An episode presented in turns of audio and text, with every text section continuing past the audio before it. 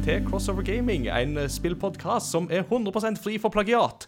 Var egentlig det jeg hadde tenkt å begynne denne episoden med, men det var det Level Up begynte sin episode med, så nå er jeg beskyldt for plagiat, og jeg må herved gå av og forlate hele bransjen. Takk for meg, ha det bra. Ja, sånn, eh, Da har vi etablert sånn hvor i på en måte det norsk-politiske, historiske sjiktet denne episoden blir tatt opp. Eh, Hjertelig velkommen skal dere være til Crossover Gaming, episode 120, med meg, Inga Takanobu Hauge. Og jeg har med meg verdens mest joviale trønder, Peter Gjørskjell. Hallo!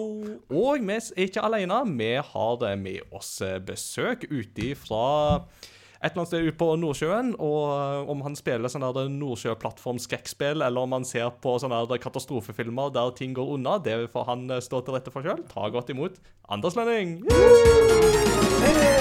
Oljerigsimulator, er det en greie? Ja da, det kommer, kommer snart et skrekkspill satt på, eh, på en oljeplattform. Uh, Ja. Still the Deep, eller et eller annet sånt. Jeg tror det heter. Ja, ja. Still Wakes the Still Deep. Wakes the Deep. Gleder meg til det. Uh, ja, jeg er live fra, live fra Johan Sverdrup. Uh, det er Anders.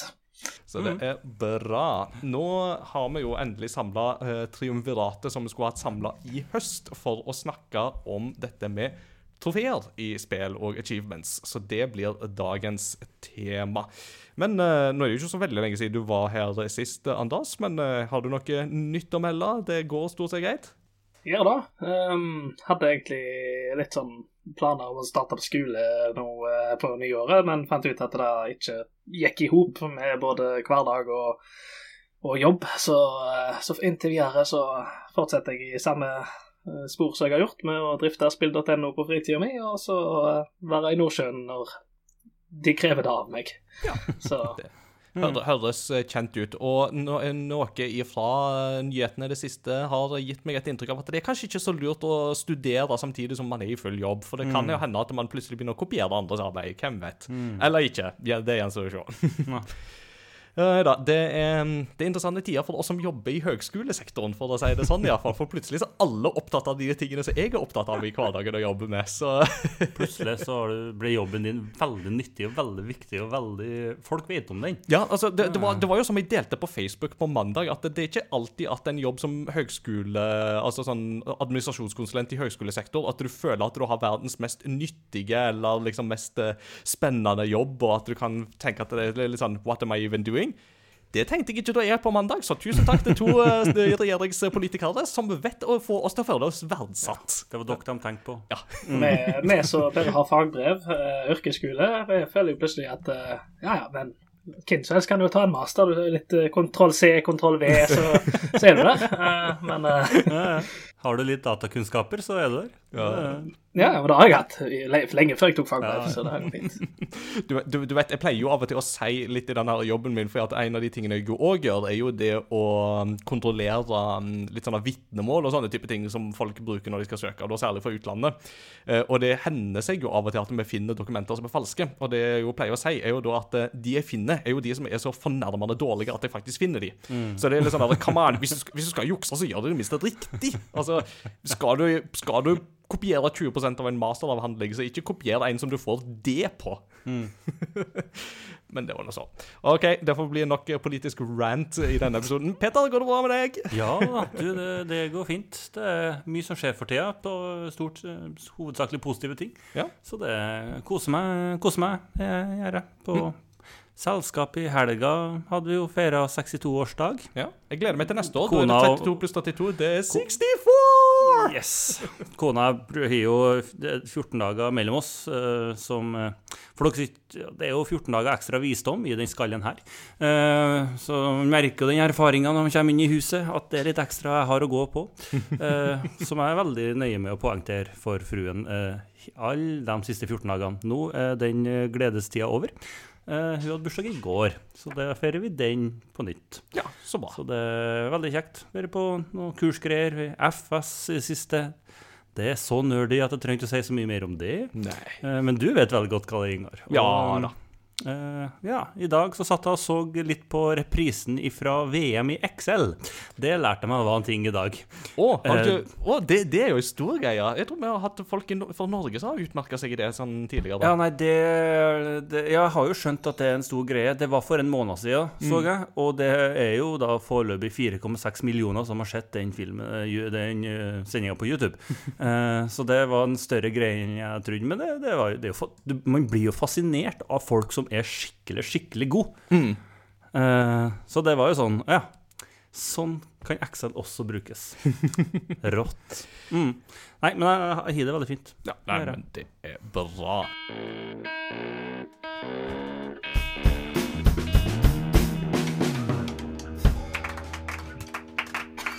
Ja.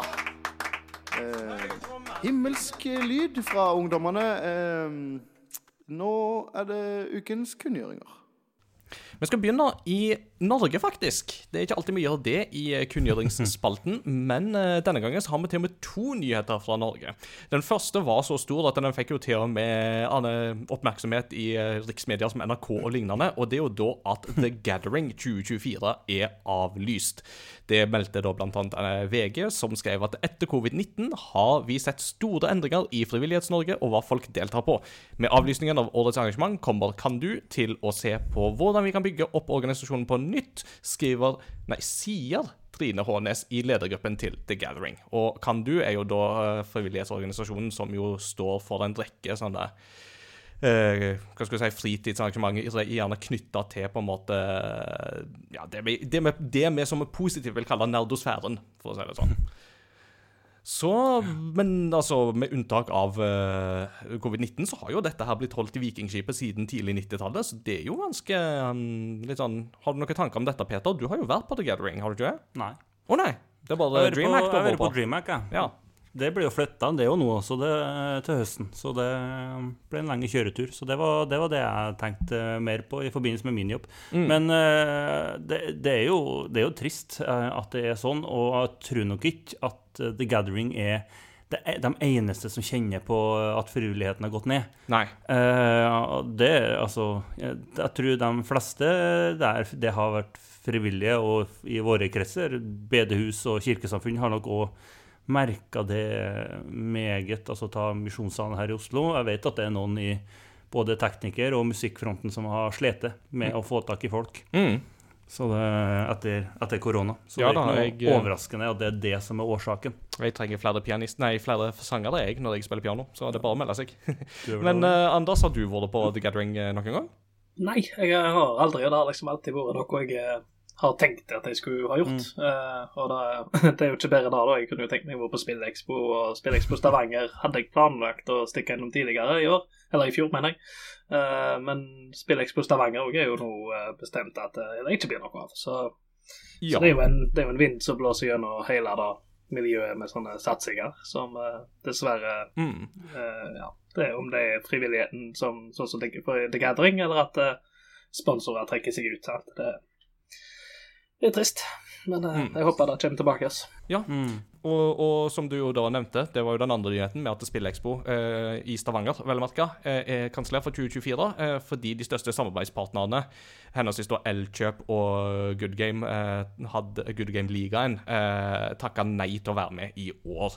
Så da blir det jo litt interessant å se om de får stabla det på beina igjen. og vi som bor i Oslo, kan jo bli litt bortskjemte over at det finnes jo en del sånne gode ting eh, her i området. altså Enten du har Spillekspo, eller du har uh, retromesse i Stavanger Nei, i Stavanger, sier jeg, i Sandefjord, ikke sant. Så er det litt fort gjort for oss å glemme at det, finnes noen eh, nerder på Vestlandet òg som trenger litt oppmerksomhet. Så det var jo egentlig veldig bra at dette ble um, gikk såpass Jeg fikk iallfall inntrykk av at det gikk relativt greit i fjor da det ble arrangert, så det hadde vært gøy om de klarer å få det på beina igjen til neste år.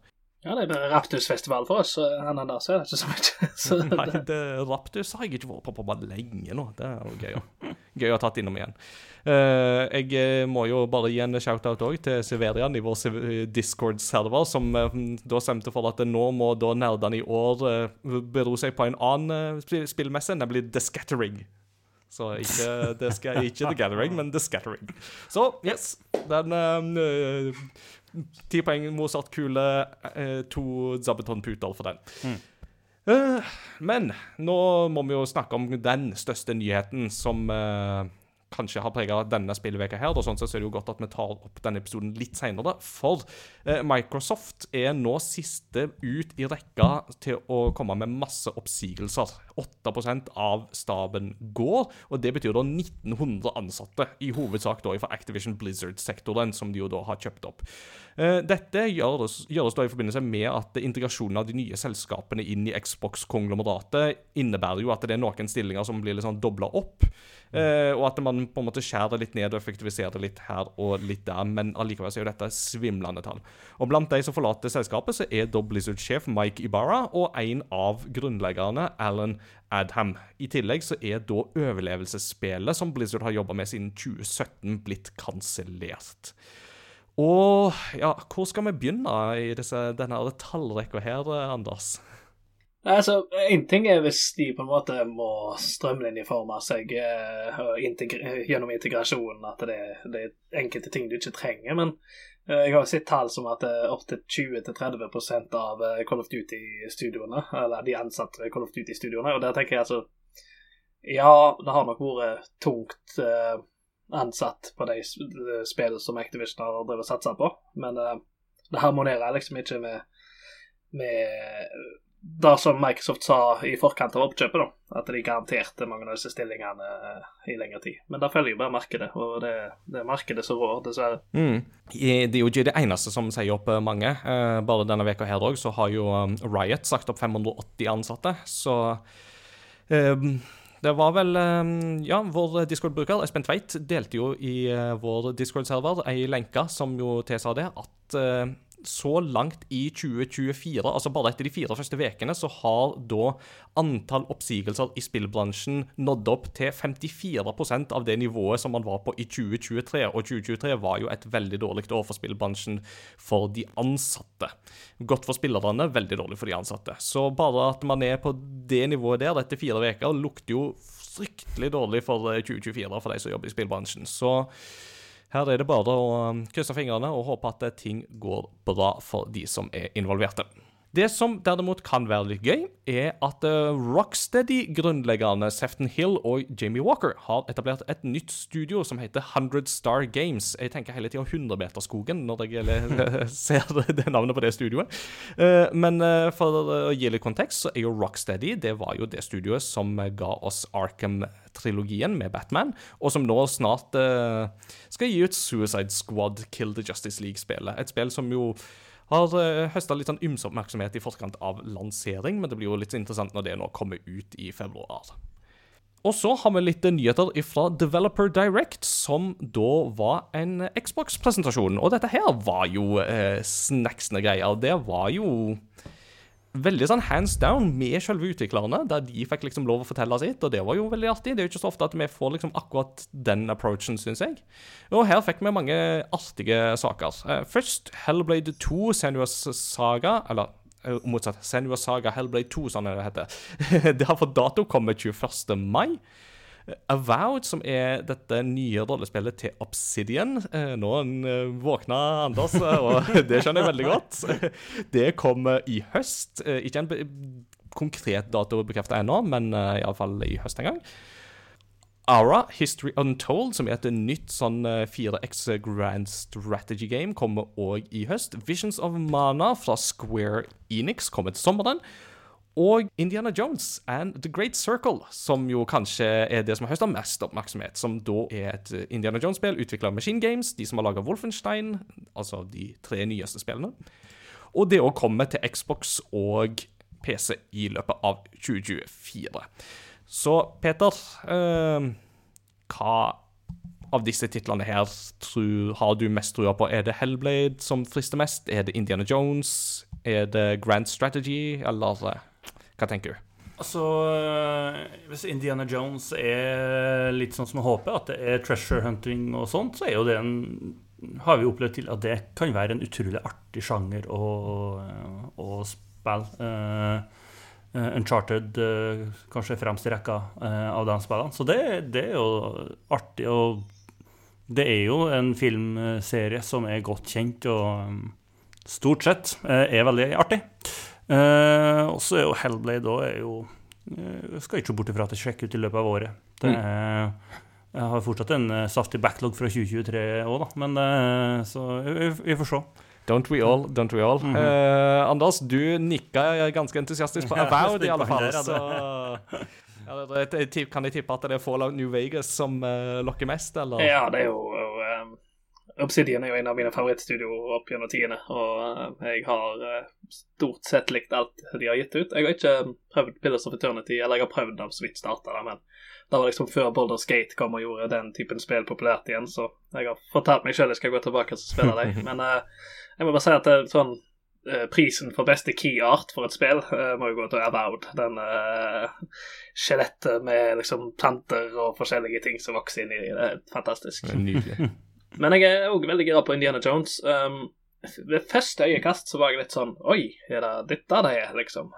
uten å helt liksom se det i en større sammenheng. Men så begynte jeg uh, Jeg hørte litt på John Linneman fra Digital Foundry snakket om det, og jeg minte meg sjøl òg på at uh, ikke bare var det Machine Games som lagde de knallgode Wolfenstein-spillene som vi har fått, men det er jo òg en god del uh, uh, adel fra Starbreeze, uh, som lagde Chronicles of Riddick-spiller.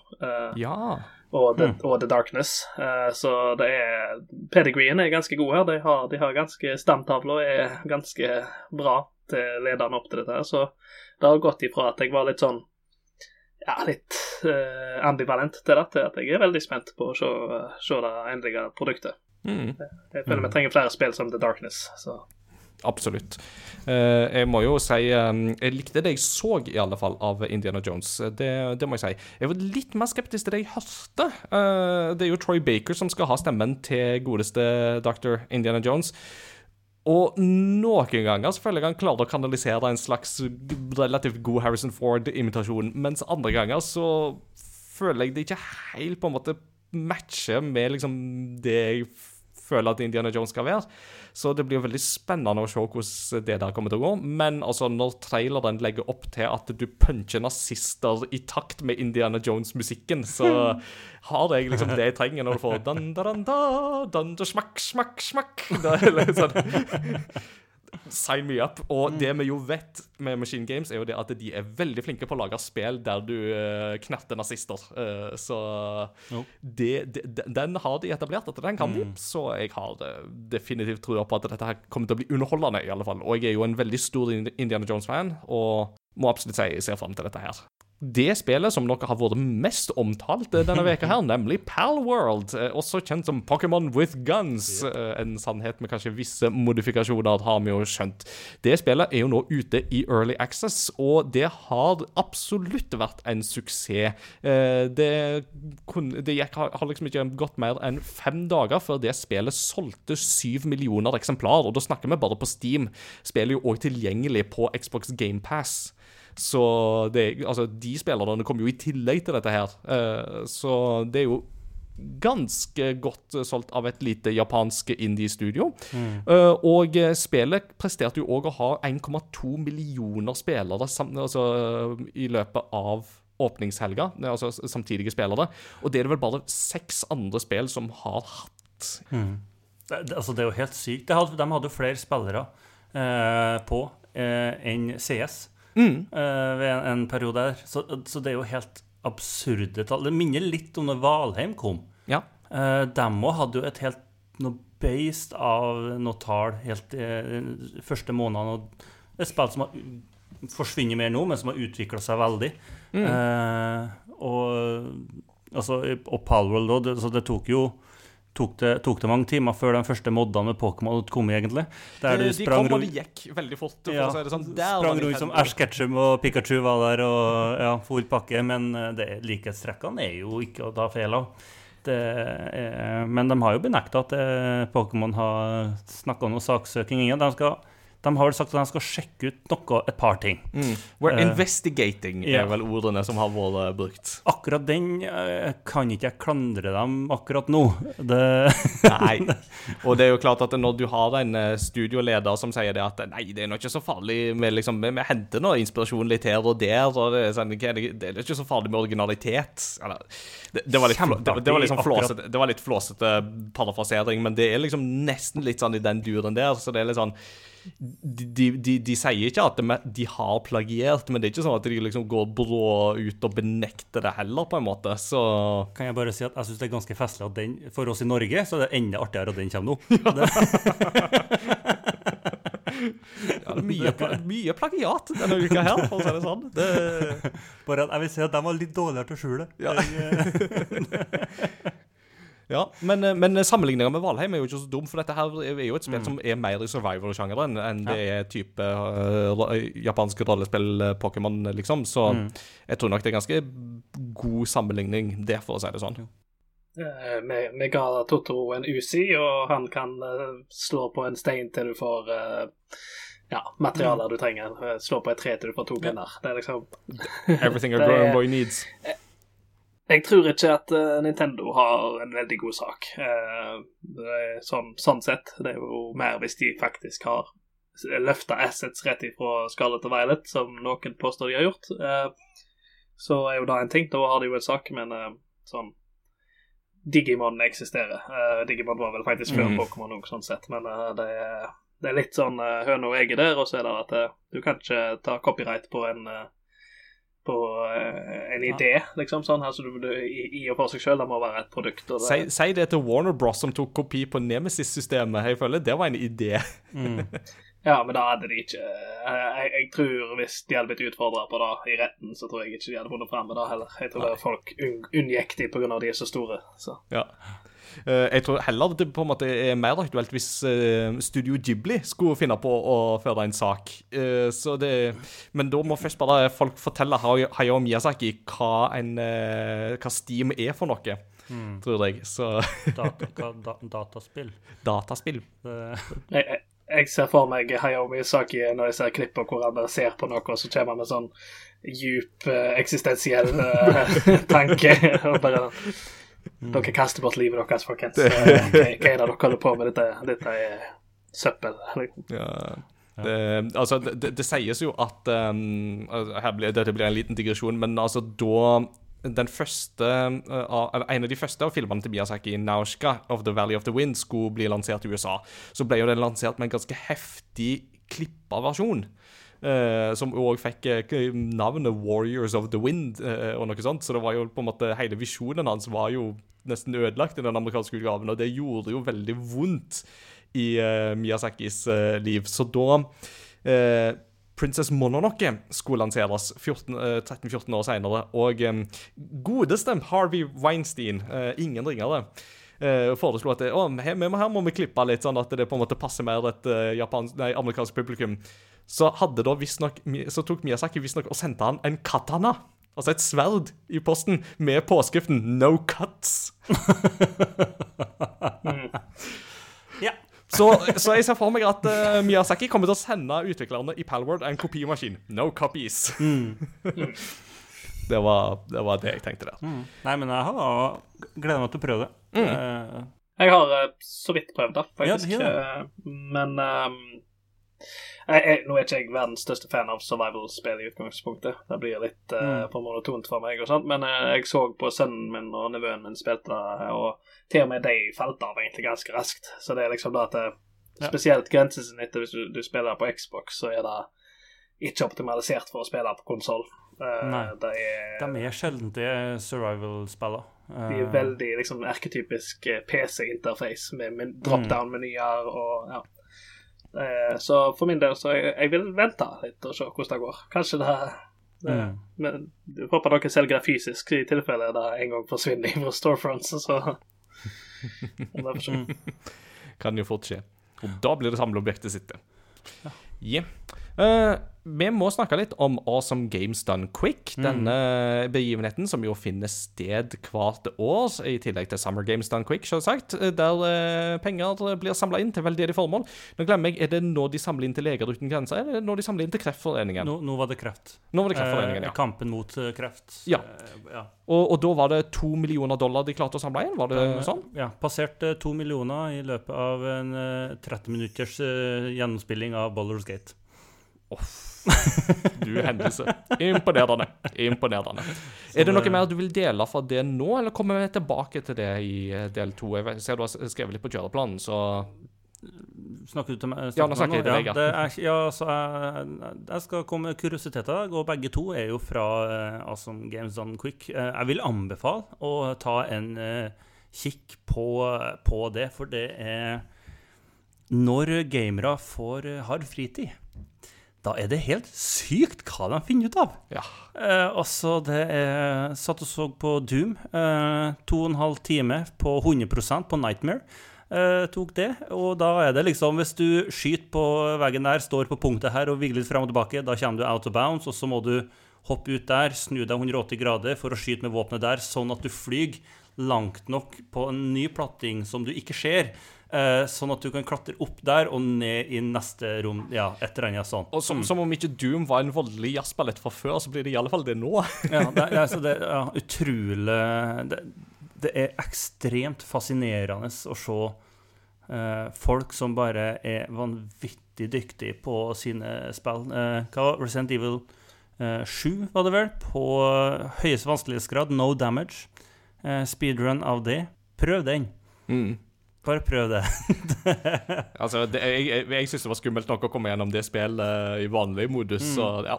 så det, nei, men det er veldig bra gjennomført. Det er bra ja, lagd, og um, ikke minst det går ut til en god sak, så det er kult at, uh, at de uh, samler inn ja, over to millioner amerikanske dollar. Det er jo mm. litt det. Veldig bra. er dette noe du pleier å følge med på, Anders? Awesome Games og Summer Games? Det er, noe, det er, noe, jeg alltid tar sikte på å følge med på, og så går det forbi. Og så glemmer jeg å se. Men jeg, jeg så uh, faktisk en speedrun. Det var Elden Ring gjort på 18 minutter og 40 sekunder. Ja, eller noe sånt. Uh, det var jo helt sinnssykt å se. hvor han da skipper seg til Stormvale Castle fra starten av spillet, og så fra Stormvale til den her magiskolen som du går på, og så plutselig så er du på liksom den siste gateway-bossen før, før, siste boss, og så bare plutselig er du ferdig. Og så Det som skjer i slutten der, er at eh, du skipper den nest siste bossen og lar den drepe deg, sånn at det, eh, da dreper den Eller spillet han, han deler memory med uh, den delen av spillet som forteller deg at du har slått den endelige bossen. Så bare sånn Du, du ser du blir myrda, og så får du uh, God defeated, og så er spillet ferdig. Og det, og det er noen som har liksom funnet ut at hvis at Ja, det er helt Villeste. Han sa jo, han som gjorde den runnen, sa liksom at disse her krever en, Jeg tror han snakket om det var tolv eh, sånne frame perfect inputs uh, for mm. å få til. Og det var liksom bare Dere kan prøve, dere kommer ikke til å få det til. Sånn. Vi får sende den utfordringa til gjengen i Level Up, som jo er så glad i From Software-spill, og så får vi se hva de mm. klarer å få finne utover til neste år. Så, så neste Awesome Games Done Quick. Men uansett, kudos. Veldig bra. Mm. Eh, det skulle blitt arrangert et par konserter under forbindelse med Nintendo Live Tokyo i februar i år, men det var noen begivenheter som ble kansellert pga. litt trusler og lignende. og Derfor så fant de ut at de måtte avlyse arrangementet i forbindelse, altså med tanke på sikkerhet.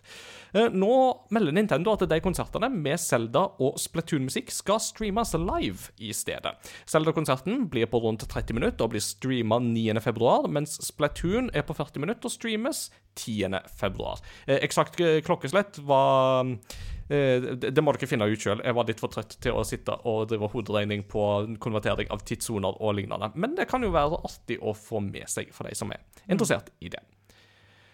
Har du noe til slutt, Peter, som du vil pitche? Ja. Det er en ting som jeg har tenkt litt på i det siste, og så har jeg glemt det opptil flere ganger. Alltid inn mot podkasten, og så har jeg kommet på igjen etterpå.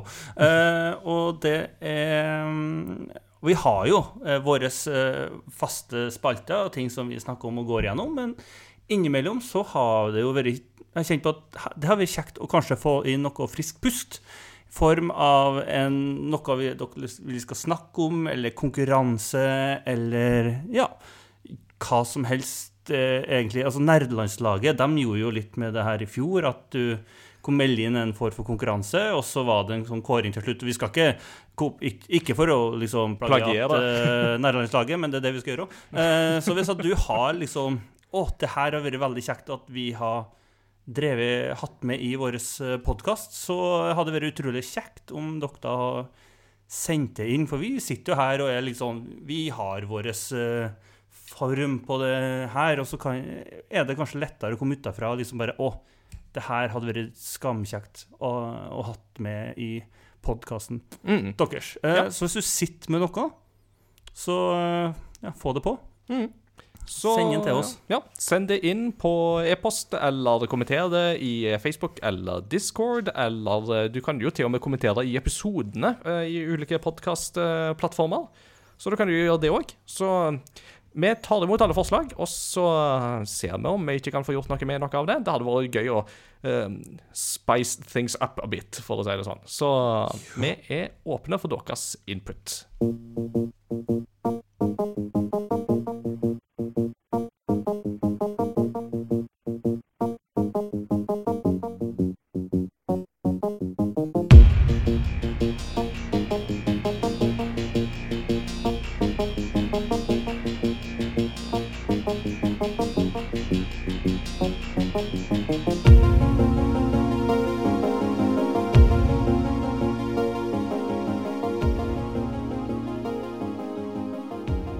Trofeer. Er det gull, eller er det tull? Trofeer har vært en del av spillandskapet siden slutten av 2000-tallet, eh, og har på mange måter kommet for å bli. Men er det noe som forbedrer spillopplevelsen, eller er det noe som forringer spillopplevelsen og blir til distraksjon?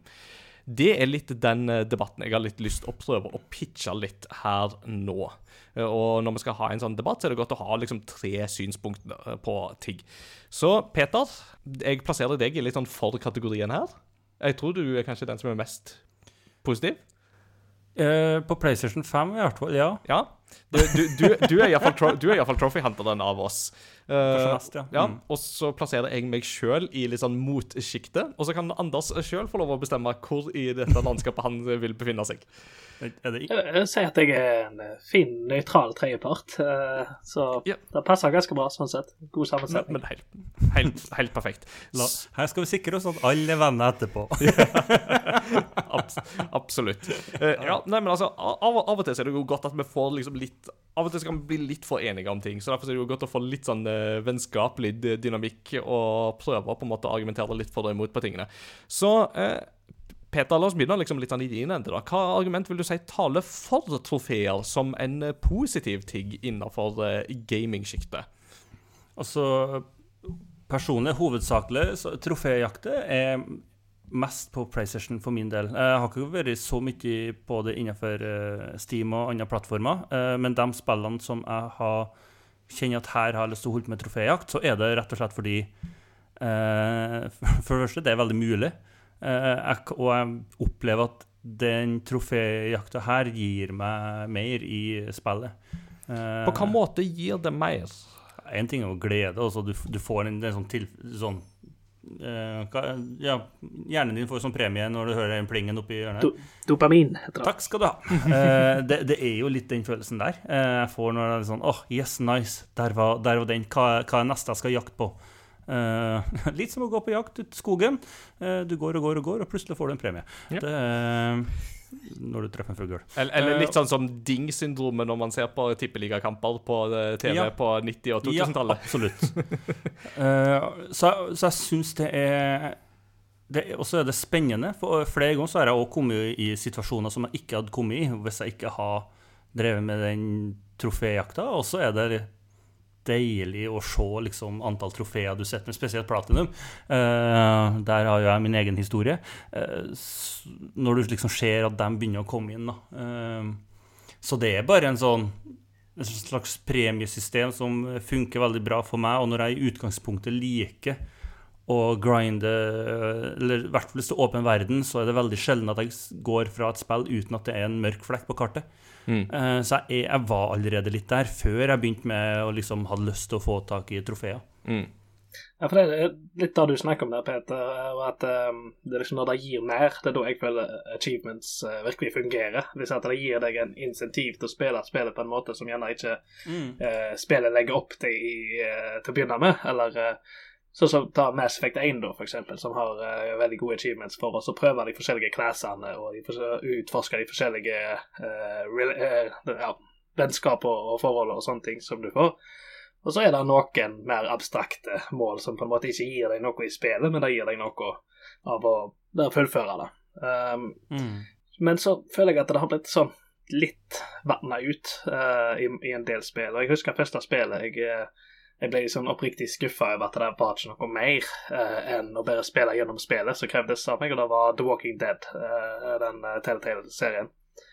Uh, der trenger du ikke spille gjennom flere ganger. Du trenger ikke legge opp til å spille på en annen måte. Du bare spiller igjennom, og så har du alle, og så har du platinumen. Og det er liksom Da følte jeg var ikke, var ikke verdt det. Liksom. Eller så jeg, jeg ble belønna uten å faktisk ha ofra noe for å få det. Mm.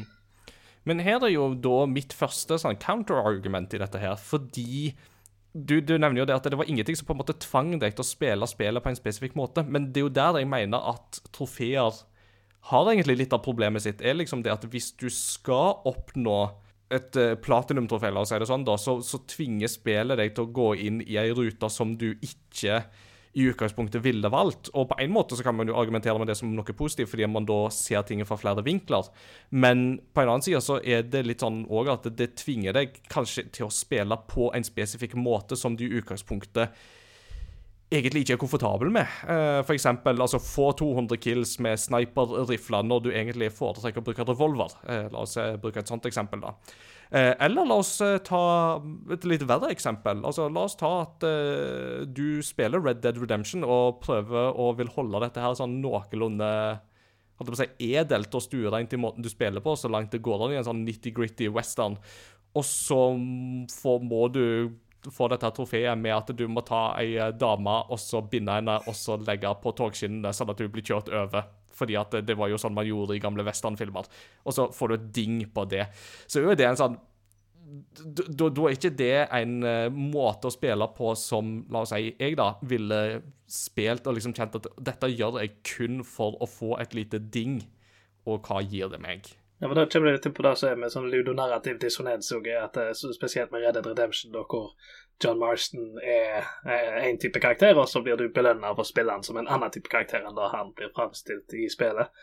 Uh, og jeg syns så greit nok den, den, De kaller han vel for Dastardly, den achievementen du snakker om der. Og det, jeg syns det er litt så morsomt at du har liksom sånn uh, Snurre på den uh, bad guy-mustasjen din når du gjør det, men, men så har du faktisk uh, achievement som jeg tror det var God of War Ascension som hadde en ja, jeg sier de hadde veldig uh, sånn diskriminerende titler da, på noen av achievements for kvinner, uh, basert på når du dreper ei dame i, i spillet, eller en, en, gud, eller hva det var for noe. Men jeg spilte ikke spillet, men jeg så det klippet, og var litt sånn Du får litt sånn vond følelse i deg, liksom, at det, dette var en achievement som var lagd for et veldig mannsdominert uh, publikum.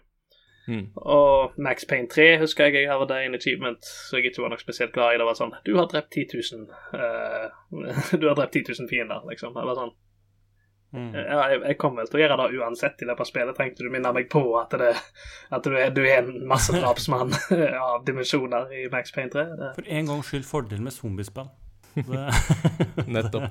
Eh, men ja, Peter, eh, her har det vært et par sånne counter-arguments. Eh, har du noen counter-counter-arguments på, på dette? Noe som du på en måte vil på en måte La, la oss trekke opp trofeene litt igjen her. Du sier jo at du endrer spillestilen da, med, å, med achievement.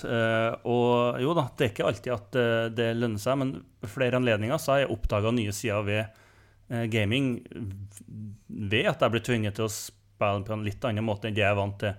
Hvor jeg oppdager at oi, det her var artig, eller wow, det her var jo en mye Det var en bedre måte for meg å spille det spillet her på. Jeg fikk mer ut av det. Igjen, ja, men det kan jo gå begge veiene. Ja, selvfølgelig kan det det.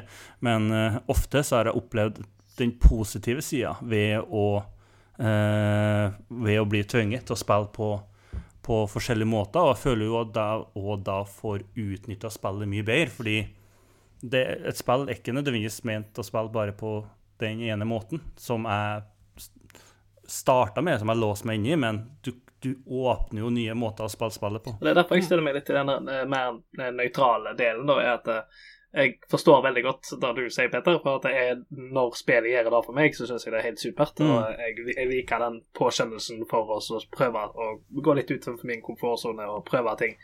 Og så ber jeg med meg en hagagnom fra starten til slutten av Half-Life 2. Uh, sånne ting syns jeg er morsomt. Den, den, den skulle jeg komme innom som et godt eksempel på at eh, det, det er en god bruk av achievements. Uh, Yes. eh, eh, bare sånn for å gi de av lytterne som ikke har spilt Half-Life 2 episode 2, bare, bare gi oss konteksten for denne achievementen her. Altså, jeg, Nå husker jeg ikke navnet på den, men det ble faktisk Half-Life Alex ble nettopp oppdatert med en tilsvarende eh, achievement. Uh, Uh, den heter nice. Noam Chomsky, eh, tror jeg, hvor du da skal eh, plukke med deg en hagagnom fra det første kapittelet i City 11, tror jeg den heter, og bære den med deg gjennom hele spillet. Eh, og det er jo ikke bare, bare lett å holde fokuset på den når eh, du slåss mot combine troops og sånne ting. Spesielt vanskelig var det når jeg skulle ha den med meg på den luftputefartøyet som du krysser over sjøen med. Eh, og det er spillet, liksom, du sier spillet tar vare på alt ifra Det er jo bare én sammenhengende start til slutt, sånn som uh, uten Det er jo loading, men det er ikke det, det Du blir aldri fratatt kontrollen i uh, Half-Life, så, så, så tillater jo det at du kan ta med deg denne haga-nissen. Og, og ikke bare det at du skal ha den med deg, men du skal jo ta den med deg til denne basen der de jo skal skyte opp en satellitt ut i verdensrommet, så du må jo plassere den inni den raketten, sånn at du skyter den gnomen ut i verdensrommet. og, og, og det beste her er jo òg det at denne, denne gnomen, når du plukker den opp, så er alltid ansiktet på den vendt mot deg. Og dette er jo perspektiv. Og den er jo uknuselig òg, så du kan jo drive på liksom plukke den opp med gravity gun, og så kan du slenge den av gårde som et prosjektil på fiendene, og så kan du plukke den opp igjen etterpå, og så stirrer den på deg fortsatt med det der forferdelige trynet sitt. Så, så, så, så, så, så selv jeg som kritiker må jo innrømme at dette er liksom sånn Dette er en kreativ bruk av trofeer på en måte for å gi deg en spillopplevelse som du ellers ikke ville hatt, og som du jo altså, Jeg sitter fortsatt over ti år etterpå og snakker om det som en kjempegod opplevelse. Altså Points uh, proven, liksom. Men eh, jeg tenkte på Vil du si, Peter, at trofeer gjør det at spillet varer lenger for deg? Vil du si det? Altså, Ville du på en måte sittet like lenge med f.eks. et Nei. Assassin's Creed-spill, for eksempel, da, hvis det ikke var for trofeer? Og er det da så fall, i så fall positivt, eller er det negativt? Uh, det har variert fra spill til spill. Uh, har det. Uh, og, men jeg, jeg syns jo fortsatt det er kjekt å holde på med. Så da er jo det en overordna positiv opplevelse jeg har sett med. eh, hvor jeg syns det stort sett er artig og givende og spennende. Altså, jeg ser jo på det som en eh, ekstra oppgave, eller ekstra slags konkurranse, eller ja. Som det, det, her, eh, det her skal jeg klare liksom få til, og så er det sykt kjekt og digg når det går. Eh, og nei, veldig få spill hadde Altså, ingen spill hadde altså, Jeg spiller alltid lenger når jeg holder på med prøver å få tak i alle trofeer, fordi stort sett alltid så må du arbeide litt ekstra for å få tak i trofeene. Eh, du har et par altså Assassin's Creed kan du få til med Mirage. Der kan du få til alle trofeene på én gjennomspilling eh, relativt greit. Da var det et par, et par ting jeg måtte gjøre helt mot slutten som jeg så jeg mangla, men det var liksom det. Uh, mens en del andre spill har jeg jo gjort mer og fått mer historieutbytte. Og uh, siste Spiderman-spillet, der er det jo flere av trofeene som kanskje hadde ikke vært completionist og hatt lyst til å få tak i alle trofeene, så har jeg mest sannsynlig gått glipp av noen av de veldig, veldig fine historiene og veldig fine øyeblikkene du har i, i Spiderman. Der er det ekstremt mye krem du får gjennom å holde på med troféjakt. Og så er det jo spill hvor jeg kjenner at det her blir det, nå, nå bekka det litt over. Jeg kommer ikke til å bli ferdig med trofeene i det spillet her. Og så Ja, ja. Det, det var sånn det var, og så tar vi på neste runde. Det Dypere stekk sjeldent.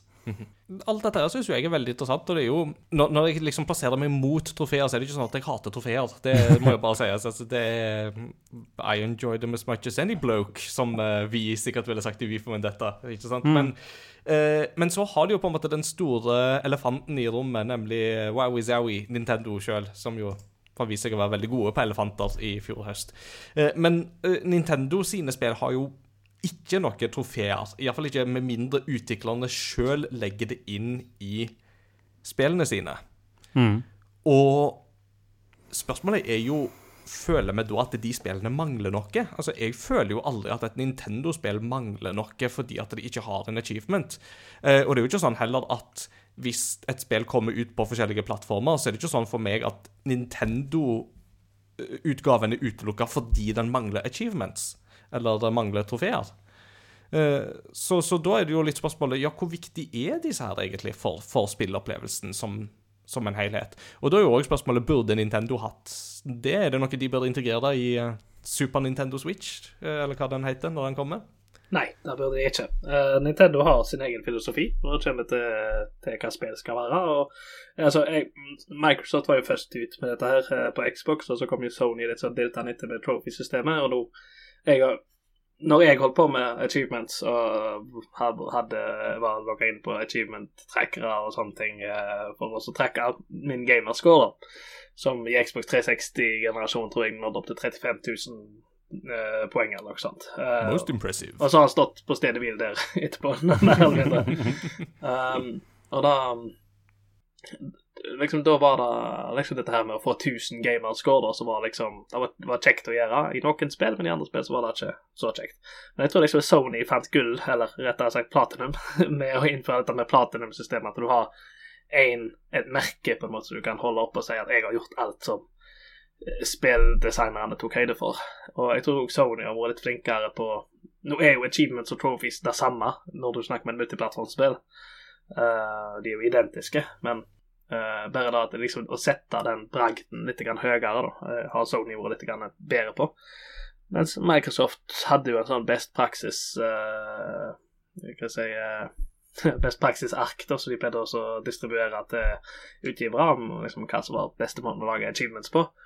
Mens jeg føler at veldig mange spill nå om dagen bare har Du belønner deg med achievements for å spille gjennom storyen, og så har du fire-fem andre ting uh, du kan ta deg til utenom. Og da, da uh, ser ikke jeg vitsen med det, på en måte. Da tror jeg Nintendo gjerne var inne på det at uh, lag moroa di sjøl. Liksom, vi, vi gir deg verktøyene, men du skal lage, finne moroa di sjøl. Selda Breath of the Wild Tears of the Kingdom hadde ikke vært bedre med achievements. Liksom. De, de er allerede så gode som de blir. Mm. Ja, men det, altså der er, jo, der er jeg enig. Eh, Jeg tror nok aldri jeg hadde begynt med det i, i Zelda. Og som jeg sa, jeg, er det åpen verden, da sprenger jeg overalt uansett. Mm. Uh, så det er, ikke, det er ikke nødvendigvis bare for trofeene heller, men det er sånn Jeg blir, jeg blir i godt humør når jeg får det pling opp i hjørnet. Det er sånn eh, yeah, det er. Hva var det for noe? Uh, for det, det er jo ikke før på slutten at jeg eventuelt begynner å jakte på noe trofé, eller sånn, gå litt sånn inn for at nå skal jeg få et hvilket trofé jeg mangler. Den, ja. Um, og at uh, Nintendo ikke har trofeer, det gjør meg absolutt ingenting. Og jeg spiller mye på Steam. Ikke, det er veldig sjelden at det, det er få spill jeg har vært på troféjakt der. Uh, nå skal det jo sies at jeg begynte jo med litt sånn å prøve å få til platinum, det begynte jeg med i fjor. Eh, jeg fikk jo sju på det året, så det er jo det, det er jo fornøyd med den, da. Eh, men det er jo Ja. Så, så det er jo Og det er jo kjekt. Og alle de spillene som jeg har 100% av, det er òg spill som jeg har syntes har vært veldig artig. Som jeg har kost meg skikkelig med. Mm. Eh, og det er òg en litt viktig ting, for da troféjaktene gir meg egentlig òg da en mulighet til å kan være i den verden litt lenger. Mm. Eh, og oppdage nye sider, nye deler, nye ja, Mm. områder. Ja. områder, de hadde vunnet uansett, da. Så det Et, um, et, et punkt som jeg har um, tenkt litt, eller som jeg gjerne vil på en måte diskutere litt høyt her nå, og det er jo Nå blir jo det et spørsmål mest til deg, Anders, eh, siden du òg sitter litt i den der anmelderposisjonen din i spill.no, og jeg sitter i, i Game Reactor. Men uh, Peter, jeg tror ikke det er så vanskelig for deg heller på en måte å sette deg inn i denne problemstillinga her. Okay. Men uh, det er den der påstanden om at uh, du, du, du er ikke ferdig med spillet før du har fått platinum. Er på en måte en sånn tankegang som noen har, og særlig da Altså du, du, du kan på en måte nesten sånn Ja, du kan ikke anmelde det spillet før du har fått platinum i det, fordi at det er først da du på en måte er ferdig med det. Altså, hva, hva tenker dere i den er, det, er det riktig, Anders?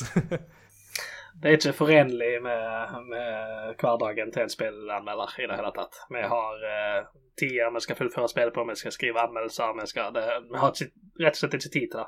Jeg, uh, det er jo hele grunnen til at jeg ikke har tid til liveservice-spill, Det er jo fordi at jeg uh, må begjære til neste ting med, nesten med en gang jeg er ferdig med noe. Så Verken forenlig med måten jeg spiller spill på, eller hvordan jeg som spillanmelder spiller spill. Hva tenker du, Peter? Altså Det argumentet det er like bra som at det er bare Call of Duty og sånn hardbarka spill som er ekte gamere. Det er sånn det er det du må drive med. At Super Mario, da er du ikke gamer. Uh, så bra argument syns jeg det er. Det, altså det er Storyen er jo det som er til syvende og sist oftest viktigst i et spill.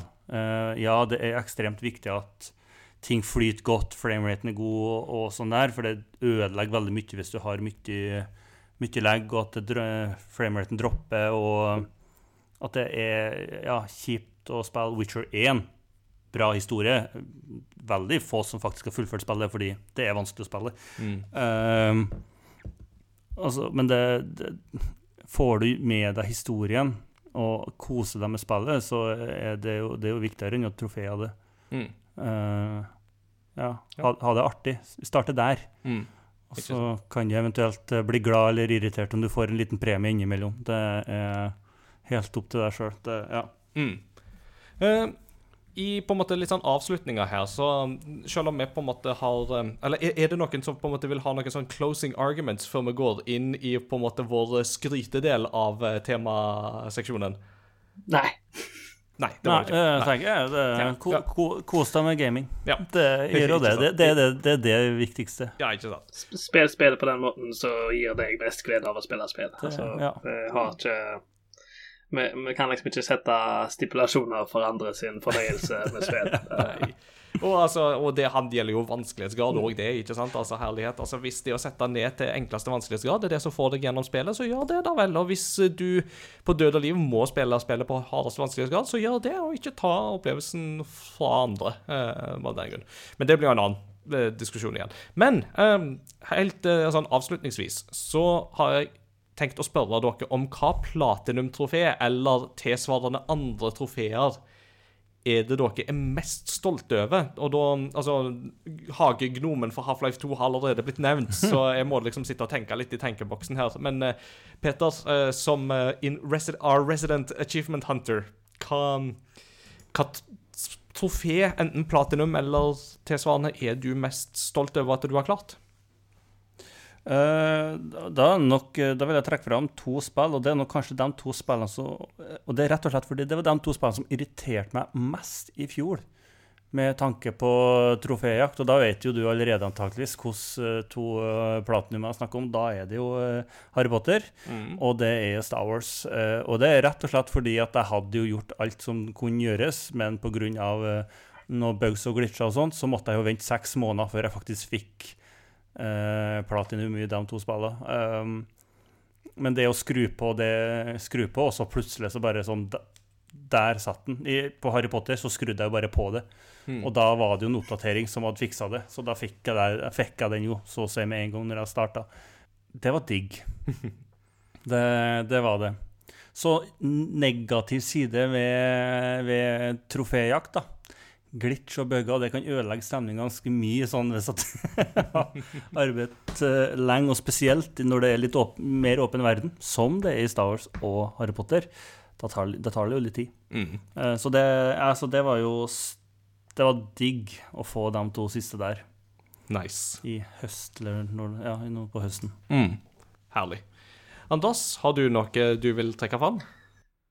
Uh, ja, altså um nå var jeg mest investert i dette på en måte før, uh, før jeg migrerte over til PlayStation etter å ha vært på Xbox 360 en lang periode, så Men jeg har jo da fulgt uh, gamerscore på altså 1000 av 1000 eller 1500 etter DLC på hele Mass Effect-trilogien uh, på Xbox. Så det er jeg veldig fornøyd med. og da jeg ikke at det var så veldig krevende i den forstand. Det var et spill jeg likte veldig godt. Uh, men det er vel bortimot 750 timer lagt ned i å få han, da. Så, så, så, det er en tidsinvestering, om ikke mm. noe annet. Um, og så uh, har jeg Jeg er jo en Ringenes herre-fan. Uh, og Aren't? Mm. Jeg likte jo ikke Shadow of Mordor sin story eller noe sånt, egentlig. Nei. Men jeg tok platinum i spillet, for jeg likte mechanics i spillet. Uh, og, mm. også, og da spilte jeg på PlayStation 4, så kan jeg faktisk kalle det trophy. At jeg har tatt et platinum trophy. Og jeg sparte da eh, en trofeen som heter The White Rider, eh, helt til slutt, til å ta den for å få platinum. Mm. Eh, og den består da av å frigjøre jeg tror det er 30 slaver eh, på 180 sekunder. Så du må, og mens du rir på en sånn uh, Mordor Beast. Så, så, så jeg måtte liksom finne den mest optimale pathen for å få gjort dette. Og jeg gjorde fire-fem forsøk før jeg fikk det til. Og da var liksom da gleden av at det bare Yes, jeg fikk det Mm. til, og samtidig så ser du liksom at platinum er unlocka, og du får en liten videoklipp av at det, det var, det var da, der jeg fikk den. Så Mm. nå er nok den videoklipp, videoklippet svunnet til tid etter jeg solgte PlayStation 4 ennå, men uh, Like Tears in the Rain, ja. rett og slett. Eh, jeg eh, Altså, hvis vi skal på en måte snakke rent platinum, eller altså liksom sånn som jeg har på en måte fullført alt, så er det jo ikke så veldig mange spill som jeg egentlig har det på. Altså, ja, jeg fikk Spiderman 2 nå, um, men, men det er jo det er ganske overkommelig med både Spiderman 2 og det som jeg hadde før det, var jo Ghost of Tsushima, som jeg òg har platinum på. Og det også var sånn Ja, men det var ingenting her som var liksom sånn direkte vanskelig, så det er jo egentlig bare mer sånn at jeg har tatt de fordi at jeg tok de og likte jo spillene ganske godt. Så her, dette er jo spill der jeg jo kjenner meg igjen i dine argument, Peter, at det, det, det forlenger spillopplevelsen. Men de jeg vel kanskje er mest fornøyd med, og igjen ikke fordi at det er så vanskelig, men det er jo mer det at det tar tid og sånn, det er Persona 5 Royal. Der har jeg platinum. Uh, og fordi en gjennomspilling av Persona tar to, altså Persona 5 Royal tar 100 timer, så er jeg fornøyd med at jeg faktisk klarte det på én gjennomgang. Vel å merke med å snoke litt i hva trofeene var i utgangspunktet. Eh, og så hadde jeg en kompis som bare sa det. Å, skal du spille det? Og sørg for at du får den og den trophy Altså, legg merke til den og den trofeen, for hvis ikke så må du liksom ta så fryktelig mye på nytt. og så er jeg fornøyd med dansespillet Persona 5, 'Dancing in Starlight'. eh, For det var bare sånn Noen av låtene der må du liksom klare på en ganske høy vanskelighetsgrad for å få. Og det, det måtte jeg bruke et par forsøk på. Men ikke noe sånn ekstremt uoverkommelig, men igjen, da. Så det, det, det tok litt investering, i alle fall. Så ja.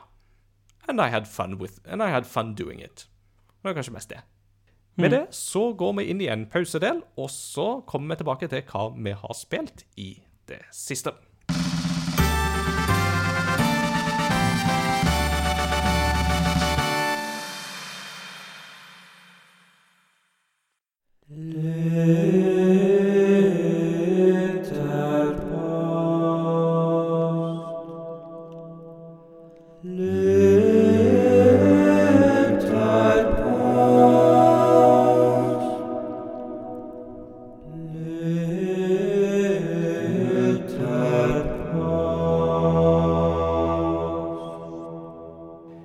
Lytterposten denne veka her er da ikke relatert til trofeer, for det spurte vi lytterne om i en av episodene før jul, der vi egentlig skulle ha det temaet som vi har hatt nå. Så de som er interessert i det, kan gå tilbake til episode. Jeg tror det må bli 117.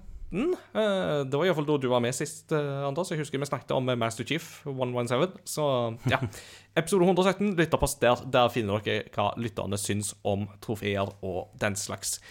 Men øh, denne gangen her så har vi rett og slett tatt utgangspunkt i været. Eh, vær er jo noe alle nordmenn snakker om når det er januar, og særlig hvis du bor i Oslo, for her har det jo vært alle slags vær på samtidig. og da har vi liksom bare spurt lytterne om at det er liksom litt sånn tida for å drømme seg vekk til plussgrader og eh, sol og sommer, eller kanskje liksom bare litt sånn vekk ifra på en måte holke og store vannmengder og snø og sånt. Så hva spillverden ville du helst likt å besøke? Så, eh, som vanlig så svarer våre lyttere på Facebook og Discord. Eh, lenker til det finner du på crossovergaming.no. Så jeg begynner med Godspark. Han har bare skrevet enkelt og greit 'Stand by for Titanfall'. Så han eh, vil uh, i Titanfalls verden. Da er det ut i verdensrommet og science fiction og den slags. Mens Sigrun skriver 'Jeg vil si Kamurocho' fra Yakuza-serien. Masse digg mat og aktiviteter, og pengene til det tjener jeg på veien med å banke opp folk. Wow, så voldelig hun plutselig ble. da. Må, må hun bare passe seg for Mr. Shakedown. Ja. Stemmer. Den, eh, han er skummel, for å si det sånn. Men ja, eh, Anders, jeg ser du har òg plukka et svar. Ja, eh, Benjo, han eh, har eh, ja, han har spilt Dungeons Dragons i noen år, sier han, og, eh, og en haug timer i Baldur's Gate 3. Så vil han til Faerun. Mm. dr- drømmen må være å starte som en level one human artificer. Da nærmest eh, vi kommer meg i IRL, og så, og så jobbe seg opp derfra. Her skal mye drikkes og goblins knertes. Så ja, jeg, jeg Mm. kjenner meg jo igjen i den. Eh, Jeg kan bekrefte at uh, Benjo er veldig glad i å knerte goblins. Det, Ja, det er det stemmer. spørsmålet er hvordan han gjør det. At han har stabler masse sånn dynamitt barrels og dytter de over ende, eller Da tar jeg Eirik sine. Han starter jo med å svare på Benjo sin. Pluss én på den. Kan jeg være i partyet ditt? Ja, det vil for så vidt jeg òg. Eh, selv måtte jeg nok gått for druid. Ikke fordi jeg er så nær det i livet mitt nå, men when in Rome. En verden jeg ikke ville En verden jeg ikke ville vært i, er verden Microsoft Flysimulator. Der snur vi på den. Årsak nummer én. Den minner mistenkelig om en annen verden jeg har brukt mye tid i, og der går det, der, går så mye galt for tiden. Pluss én på den. Nummer to. Det hadde vært enormt mange flystyrter rundt omkring. Men eh, dere, da? Eh, hva, hvor hadde du helst eh, likt å stikke? Altså, jeg må jo bare stille meg bak Sigrun at uh, book meg første billett til Cameracho. Uh, det- sånn er det. Ja, den er ikke så dum, den. Mm. Peter, hva, hva tenker du? Det, det, altså, det, det er jo en ting som jeg har tenkt på denne veka, at det er et fryktelig stort spørsmål. Altså, Det er jo en som ofte er sånn go to, Ringenes herre. Jeg har jo veldig lyst til å gå til, men så er det òg en verden som har tenkt mer på etter en viss film som kom i fjor, og det er jo Mushroom Kingdom. Eh, det, det hadde vært utrolig festlig å gå der. Og da må jo alle easter eggs være overalt òg, da. Det er Ja, ja. viktig. Eh, Men Peter, har ikke du nettopp vært i Middle Earth? Jo, det er helt korrekt.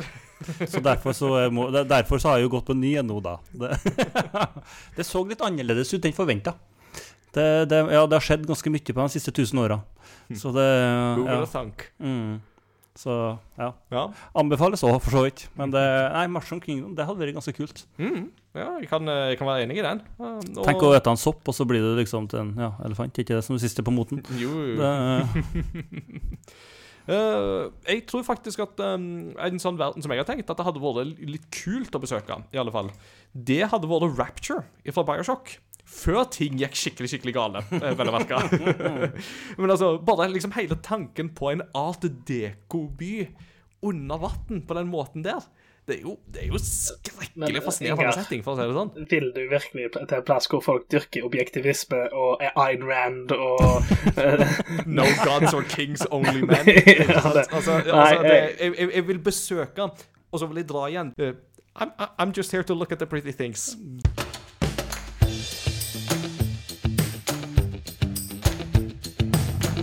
What you been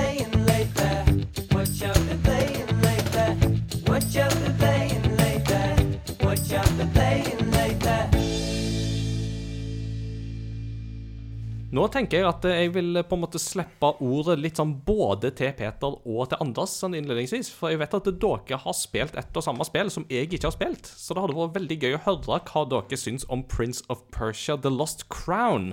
Så jeg tenker liksom at gjesten skal få begynne, men så må liksom du, Peter, pitche litt inn eh, med dine inputs og sånt underveis, sånn at vi får en sånn god, god flyt her. Ja da, skal ikke jeg ødelegge Inga sine planer her, men eh, Peter, hvor langt har du spilt i Prince of Persia? Um, uh, hovedkarakteren har akkurat uh, dødd ned fra kjempe, kjempehøy bru ned til avgrunn. Uh, er på vei ut derifra. Mm -hmm. okay, ja. Nei, Det tror jeg var ganske greit. Veldig greit. veldig greit. jeg, jeg, jeg har ikke lyst til å tråkke deg på føttene nå. Eh, sånn, uh, jeg, jeg, jeg har jo Jeg har jo anmeldt spillet på spill.no, og jeg hadde jo en preview av det før jul, så, så jeg er jo ganske godt kjent med spillet. Men og jeg følte igjen at jeg, jeg gikk litt i, i skade for å, å spoile litt grann plotbeats i både i anmeldelsen og i podkasten jeg gjorde etterpå. Men um, Prince of Persia er jo da det nyeste spillet for de som er uinnvidde, så er det det nyeste spillet i den godt over 30 år gamle eh, lange serien med Prince of Persia-spill. Men Har du spilt den gamle? ja, ja. Det var ja. sikkert det første spillet jeg spilte noensinne. Ja. Jeg var satt før en, en, en, eh, sånn eh, 385-prosessor eh, Toshiba-laptop og spilte Prince of Persia på en tofarga skjerm. Uh, Oransje og svart, hvis jeg ikke husker helt feil. Og pappa òg hadde en sånn. ja. um, nei, så, eh, så for meg så er det sånn Jeg har fulgt serien litt sånn til og ifra. Jeg er ikke av de som uh, falt veldig djupt inn i den der Sands of Time-trilogien. Jeg spilte Sands of Time når det kom ut, men jeg, uh, Warrior Within og Two Thrones og det, det spilte jeg ikke. Så men for min del så er det sånn jeg er veldig glad i Metroidvania-spill. Jeg har en sånn enorm forkjærlighet for Metroidvania-spill, og, og da spesielt Castlevania Symphony of the Night. Og jeg, jeg, Når jeg satt og spilte Prince of Persia og Lost Crown, så satt jeg og tenkte dette her er jo på, på sett og vis den beste moderne avtakeren til Castlevania Symphony of the Night. Bedre enn jeg vil si Bloodstained uh, uh, Circle Nei, ikke Circle Ritual of the Night. Ritual of the Night, hva det heter. Men er det bedre enn Ori? Det er jo den store testen for meg, da. Ja da, vil jeg si. eh, Altså, i, i min bok, ja, absolutt. Altså, Iallfall hvis du skal se på de tingene som Castlevania Symphony of the Night gjorde rett, eh, så var liksom miksen av eh, jeg liker det, det er noen som begynte å kalle Metroidvania-spill for search action platformers. eh, og jeg, er noe jeg føler beskriver Castlevania veldig bra, og da beskriver Prince of Persia veldig bra. Mm. Ikke nødvendigvis Metroid eh, så bra, men det er fordi at Metroid er, er Metroid. Eh, Metroid er ikke en Metroidvania, det er et Metroid-spill. Mm. Um, og, og Prince of Persia The Lost Crown er liksom at det, fordi du kan spille spillet egentlig så åpent eller så guida som du vil.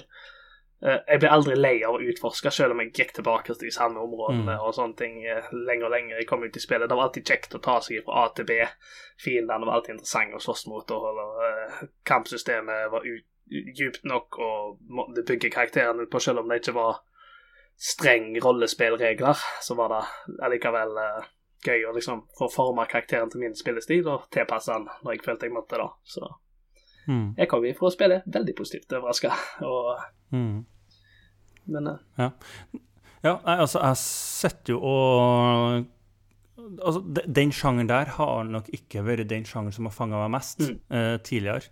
Men eh, Prince of Persia, der koser jeg meg gløgg i hjel. Eh, altså, for det første, altså, bare for å starte med animasjonene Altså, det er så sinnssykt rått spill eh, animasjonsmessig. Det er så lekkert.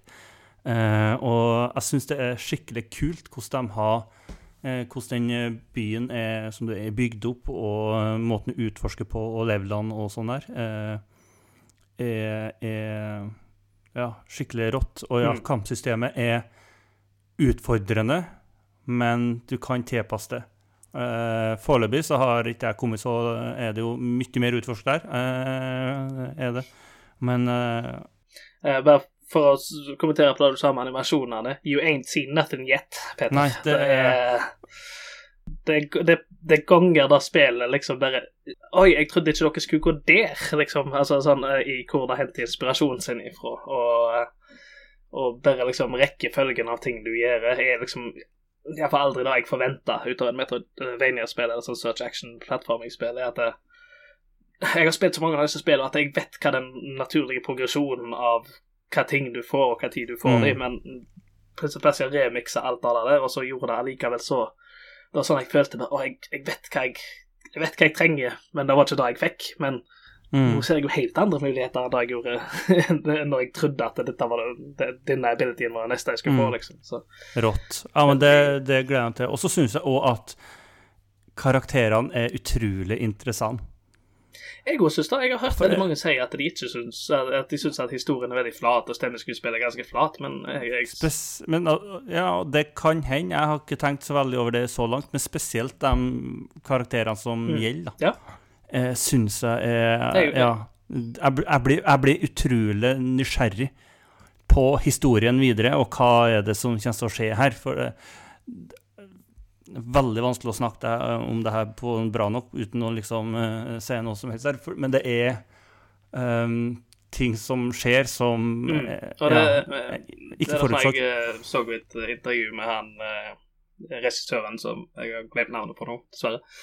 Eh, men uh, dette er jo da Ubisoft Montpellier som står bak, og uh, de snakket litt om dette her med å framheve liksom de iranske, persiske, eh, arabisk mytologi-elementene av historien med at det spillet er satt ved Mount Caff, og, og som det ser eh, som er et sånn slags hellig fjell fra arabisk mytologi som går igjen i Tusen og en natt, blant annet, og, og mange andre sånn. Og det er sånn Jeg er jo litt sånn Det er en feil podkast å si det på, men jeg er jo litt bitter pga. Liksom, at vår mytologi eh, ble jo litt tatt ifra oss i, i oppveksten vår. Så liksom, jeg har måttet utforske norrøn mytologi på mine egne premisser.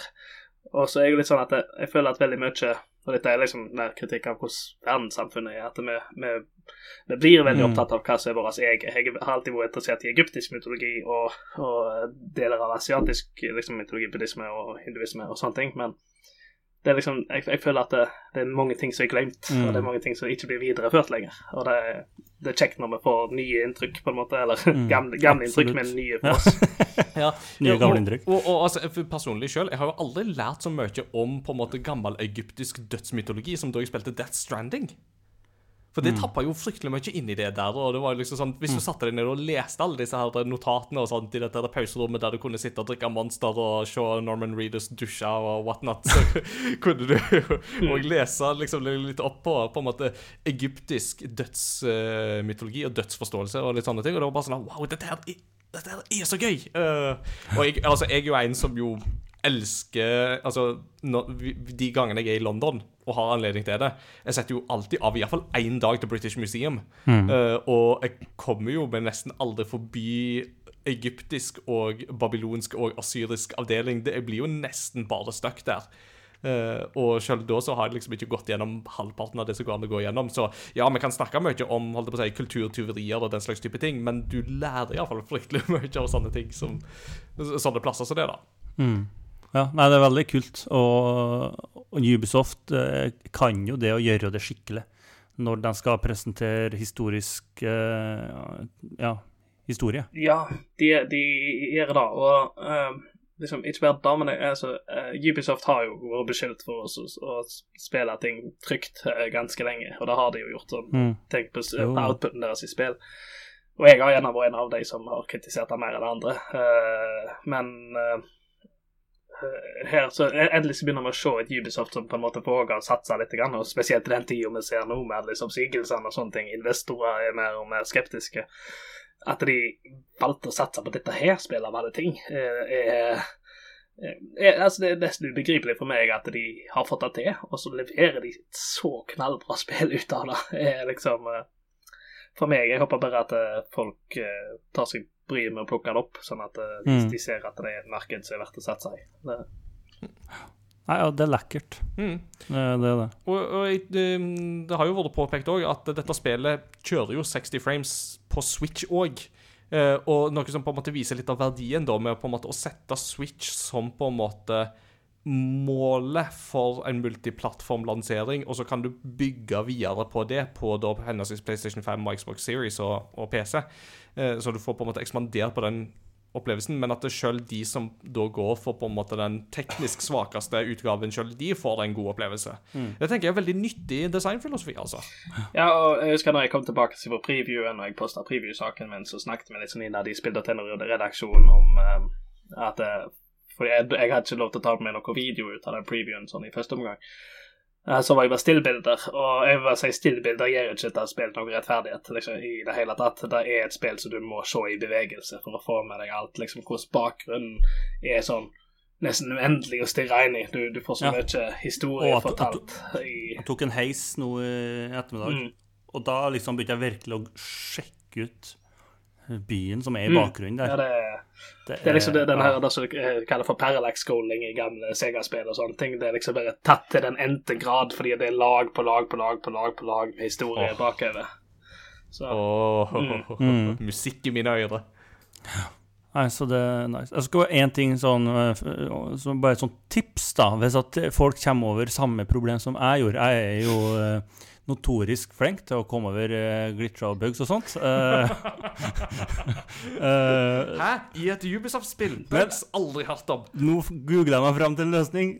det her og det er et eh, det, det er et oppdrag eh, som, eh, eh, som heter eh, Moongather. eh, ja. Eh, hvor eh, etter jeg prata med en fyr, så kom jeg aldri videre. Og prøvd mye ymse og forskjellig. Eh, så, og da er det samme problemet er da på PC og på hvert fall PlayStation 5. Jeg vet ikke om det er på Xbox og Nintendo. Men i hvert fall, det som da Hvis du da spiller på PC, Så før du snakker med han gamle fyren der, så må du eh, sette eh, Altså set your eh, frame per second limit til 120 bilder eller lavere. Lavere. Eh, hvis du spiller på PlayStation, så må du eh, koble fra kontrolleren og koble den til igjen. Da fortsetter spillet. så bare hvis at du opplever det, og så, har du, så kan du gå tilbake til den episoden her og så bare Å, hva var det jeg skulle gjøre? Jo, stemmer, det skulle jeg mm. Så det går an å det, Ja. Det var faktisk en Quest som bugga seg hos meg eh, når jeg spilte gjennom det. Eh, og eh, nå lurer jeg på om det ene hadde fiksa det, Ja. hvis jeg hadde gått inn, gått inn og endra noen av eh, eh, Nå var jo ikke den 120 FPS-patchen uh, gitt ut når jeg spilte gjennom det, men uh, jeg, jeg fikk en Quest hvor han fyren sitter og gir meg Questen, jeg går og gir Questen, kommer tilbake, så, så bare gjentar han den samme dialogen. Og så, så litt sånn jank her og der. Så, så, så du er ikke alene, Peter, jeg støtter på noe. Så det fortviler ikke, folkens. Eh, it's hope in the hanging Mm. snore. Yes. Det, det går an å komme, få, få gjort det oppdraget òg. Jeg gleder meg til du kommer ned til havn nå, og jeg håper du snakker om det på neste podkast. Det gleder jeg meg til. Mm. Det blir spennende. Eh, Du har jo fått eh, låne du har fått låne det av meg, vet du, så det er jo alltid sånn sett at jeg kjøper det, og du låner det. Det, Ja, det- det er til og med før jeg får rekke å spille det, men eh, det er fordi at det jeg holder på med nå, det kan jeg snakke om i neste episode. Så Altså, jeg har jo begynt å kalle meg økonomisk etter avtalen her. Hvem trenger GamePass når du har Ingal Pass? så Annika, da er vi økonomiske igjen. Nerdeøkonomi. Det er Utrolig realt. Det. Men uh, Prince of Persia, det er ikke det eneste du har eh, fått spilt siden sist, ser jeg. Nei, altså, nå er det jo ett spill. Det er jo, det er jo en elefant i rommet her som, er, som jeg og Ingar har veldig lyst til å snakke om, men som vi ikke kan snakke om. Eh, Følg med i neste episode av Crossover Gaming. Der, der følte jeg meg utrolig utafor. men um, Ja, greit Nei, altså Ikke takk for meg. Um, jeg har jo liksom, Jeg kom jo hjem i romjula jeg var ute på julaften på jobb, og sånt, så det, så det har, det har vært liksom tid for liksom, familiehygge og sånne ting hjemme hos oss. Og da eh, Rett før jul, juleferien, så introduserte jeg samboeren min til Stardew Valley. Uh, og hun har en sånn evne til å ta stafettpinnen og bare løpe med den, altså, når det kommer til sånne spill.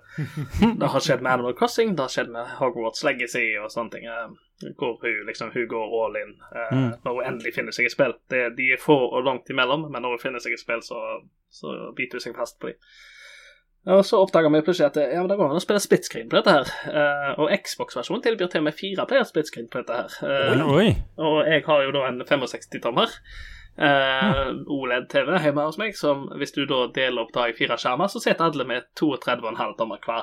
Uh, som Snadder. Anders i 2003 hadde vært veldig sjalu for. Uh,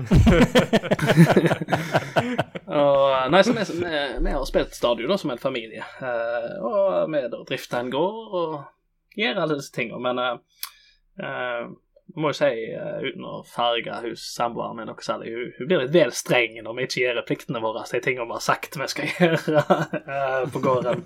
Eh, men nei da, det, det er veldig kos. Så, vi har jo to gutter, en på 11 og en på eh, 6,5, så som òg syns det er gøy å spille. Så nå fikk jeg kjeft for at jeg hadde tatt med meg en av Xbox-kontrollerne som de brukte når jeg reiste på jobb, så Men jeg tror de, jeg tror de bruker denne helga til å spille det òg. Dette her er sånn gamer, gamer family done right. Jeg bare Ah, kjenner at det her, dette var bare, var bare liksom fred og harmoni i sjela. Bare å liksom skildre dette her. Nå er det var- ja, veldig kjekt for meg, for jeg hadde ikke spilt Stardew Valley noe særlig før. Så, så for min del så var det veldig greit å, å, å få oppleve det i lag med familien min. Mm. Mm. Kult. Jeg har jo jeg, jeg vet ikke om jeg har snakket om det her på denne podkasten før, at jeg har en sånn Mr. FPGA-maskin. Uh, Du har nevnt Misteren. Det har du. jeg, har nev jeg har nevnt den, ja. Eh, jo, jeg har vel iallfall på retrospillauget og sånne ting har jeg iallfall nevnt den. Um, nei, jeg uh, har jo lekt litt med denne her, da, og nå fått Jeg har jo tidligere hatt uh, for, for de som godt fortalt, så er det hardware-emulering istedenfor software-emulering av gamle konsoller og PC-er og sånt. Så, og denne har jo da en HDMI ut, og han har en analog ut. Så jeg har den jo kobla samtidig til kassa-TV-en min, som er 20 og noen tommer, og 65-tommeren hjemme, da. Eh, og nå er jo Scanline blitt såpass bra, og med OLED eh, og HDR og sånne ting, så du kan få Du får nesten CRT-opplevelsen sjøl på flatskjermer, da. Så det Veldig gøy. Nå er vi Og- der. Nå er vi der. Nå er vi endelig tilbake til gammel teknologi igjen. Ja da. Det er litt sånn eh, Jeg vet ikke om dere har sett Invincible, men uh, look what they need to do to to just a sliver of our power. Det er liksom gamle CRT-er som ser på flatskjermer. My- Mye teknologi som er inne i bildet. Men um, nå i jeg tror det var i januar i fjor, uh, så var det en som begynte på en sånn Nintendo 64-kjerne. Denne uh, DE10 Nano FPGA-en, som i utgangspunktet ikke var trodd at var mulig, uh, bare pga. hvor mange instrukser som inngår i Nintendo 64-en, eller for å gjenskape Nintendo 64-en. da. Eh, men og han satte seg litt sånn hårete mål. Han sa liksom Jeg håper å ha iallfall ett spill kjørende innen utgangen av 2023. Um, I tror det var november-updaten, så kunne han endelig bekrefte at nå kjørte alle Nintendo 64-spillene på Mr. Chan. Hva si? Rått. Og han jobber kontinuerlig med han ennå. Det er en som heter eh, Robert Pape, som jobber med denne Nintendo 64-kjernen. Men han, altså, det, det er jo et eh, samarbeidsprosjekt, og hele Misteren er jo et open source-samarbeidsprosjekt. Uh, og Mm.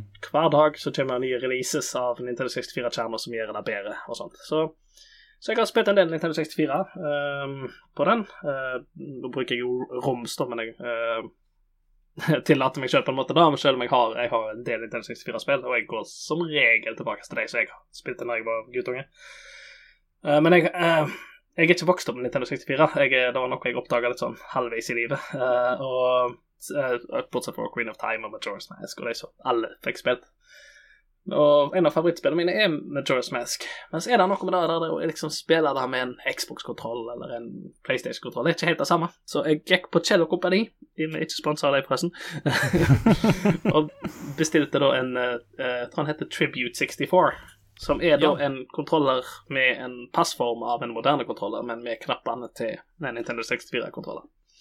Stemmer. Så, eh, så mens Analog eh, holder på å lage sin Analog 3D, som blir denne Nintendo 64 eh, FPGA-baserte maskinen sin, så storkoser jeg meg med Misteren, som endelig, etter jeg vet ikke hvor mange år jeg har hatt den nå, to Jeg har endelig fått 3D-printet et skall til den. Tidligere så har det bare ligget tre kretskort på pulten min, liksom. Nå, nå er han skrudd i sammen, og han har et deksel, han har klær på seg. Så. Mm. Nei, så jeg har storkost meg med Majora's Mask. uh, men jeg hadde glemt hvor uh, arkaisk da lagresystemet i det spillet er, og hvor mange ting som blir glemt hvis du glemmer å spille Song of Time. Uh, så. Ja, det, det er mye som går tapt hvis du ikke setter pengene inn i banken. Eh, Vi, vi diskuterte det der, jeg og en annen. altså vi bare sånn, Hvordan fungerer egentlig hele det der banksystemet i Majora's Mask? med at det er litt sånn, Ja, han husker at du har satt inn så og så mye penger, men hvordan husker han egentlig det når du reiser tilbake i tid? og altså, How, how does this economy even work? så det var sånn der, eh, det, det må være et sånn veldig tåpelig bankboksystem der han ikke sjekker datoene for innskudd og utskudd. Ja, det er, det er samme datoen. Hæ? Hæ? Er det hvitvasking du holder på med, eller hva er det? Ikke sant. Uh, men ja, nydelig. Peter, du du har jo ikke bare spilt eh, Prince of Persia. Det um, har Nei. du jo um, det, det har du selv, det har du jo kost deg med. Men eh, Jeg jeg har ikke spilt bare det, men jeg har ikke spilt noe nytt. Uh, jeg vel strengt tatt ikke. Jeg, men jeg har ja, Seven Days to Die og litt LOL uh, spilt en gang. Og eh, litt mer Ballers Gate. Uh, kommet til et nytt område. Hey. Yay! Så lang tid tok det. Uh, det. Som sagt, jeg må utforske overalt, og Benjamin henger på. Så det, det, det er fint. Det skje. Eh, mm, så det er veldig stas. Men så har jeg jo også nå endelig fått fullført et spill som jeg starta med. For, eh, det var DreamHack for eh, i november 2022. Som jeg har kommet tilbake til jevne mellomrom. Og ikke fordi jeg ikke har likt det. Jeg har elska hvert minutt av det spillet. Eh, men når jeg starta spillet på Dreamhack, så hadde jeg akkurat fullført eneren, var superhype. Spilte spilt et par timer, kjente at nå har jeg spilt det her veldig mye. Eh, og så ja, har kommet tilbake, og det er jo da uh, A Plague Tale, eh, Requiem, Mm. eh, som jeg nå er ferdig med. Uh, 300 000 rotter på skjermen på en gang, det tror jeg på, ass. Holy moly, fytti steike, hakke bedre meg ta for en slutt. Særlig mot slutten der, altså. Der er det nok Ja. 300 000 i aksjon. Det tror jeg på. Det Altså, det er en av de sterkere sluttene som har, jeg har vært borti i, eh, i et spill eh, noen gang. Det er, altså, historien generelt er jo ekstremt bra ordna. Um, verden er banene som går gjennom, skal kalle det det, syns jeg er spennende, vanskelig utfordrende. Og um, eh, franske stemmeskuespillerne er utrolig dyktige. Jeg håper han kiden blir forvalta godt, og at han eh, forstår at det her er en god karriere, så kan jeg ha en god karriere inn- innen. Mm. Uh, og så må jeg også den, uten å spoile noe igjen, da uh, ja, Ikke nytt, men ja, vi dropper spoiler. Den slutten er sterk. Eh, ja. Det, det, det, hadde, den, den, var, den var krev, den, krevde mye av meg. Det er et det- gut punch i eh, Ja. både hjerte og mage og Mm. sjel og ånd, altså. Så det, det, det var en utrolig Ja. Som jeg sa til deg når jeg kom neste morgen, det er vanskelig å sette helt ord på det, eh, rett og slett. Og da vil jeg jo påstå at da har du gjort en god jobb. Mm. Eh, når at du sliter med å finne de rette ordene for å beskrive de, de følelsene du sitter med etter, eh, etter å ha spilt gjennom uh, A Plague Tale. Men ja, eh, grafikken, verden, musikken, ikke minst. Eh, skikkelig skik eh, Ja, altså, det Olivier de Rivière har gjort der, er bare helt eksepsjonelt, altså. Også med det navnet. Ja. Olivier de Rivière. ja. Eh, det Det, godt. det blir ikke mer fransk enn Nei, det. det var det ikke. eh, du verden, altså, med både Streets of Rage og A Plague Tale, så har han Mm. virkelig markert seg, altså. Så Jeg nevnte det jo tidligere òg, i høst, men altså, å gå tilbake til Remember Me og høre litt på det soundtracket der, det, det er utrolig kult, noen av de tekniske tingene som, en, som de gjør der. Det Med litt sånn sampling og loops og sånne ting. Så det er utrolig, utrolig stilig. Ja. Nei, så det var en utrolig ja. det, er, det, er en, veldig sterk historie, Mm. eh, er det hele veien. Og nei, du, spilte, du, du nikker mye, så jeg antar du har spilt det? Nei, jeg vet ikke, jeg har faktisk aldri spilt det. Uh, Hva faen? Men jeg er jeg, jeg vet på en måte hva, hva det går i, da. Uh, og jeg har hatt venner som har snakket veldig høyt om det. Og det er egentlig bare tidsklemmer som på en måte har kommet i veien for det. Mm. Og jeg ser veldig fram til å spille, og, og du, du snakket litt som sånn Oi, ja, det er spoiler et så gammelt spill. Nå er ikke jeg sånn veldig redd for spoilers i utgangspunktet, men du har ennå ikke sagt noe som på en måte eh, jeg føler har forringa opplevelsen for min del. Altså, du har bedre snakket varmt om det, og jeg, eh, Nei, jeg jeg tror eh, ikke det. Det gjør egentlig Mm. bare at jeg gleder meg enda mer til å få endelig få spilt det. Ja, altså, eh, Frankrike, rotta, 300 000, Mm. eh, lang reise, episk musikk, vakre land. Ja. Ja. Og, God og igjen en showcase for god tek teknologi. Altså. altså, De er Mm. utrolig dyktige på den grafiske teknologien her. Det, de er jo Ja, altså Det pusher jo noen grafiske standarder, som jeg Syns jeg, iallfall. Mm.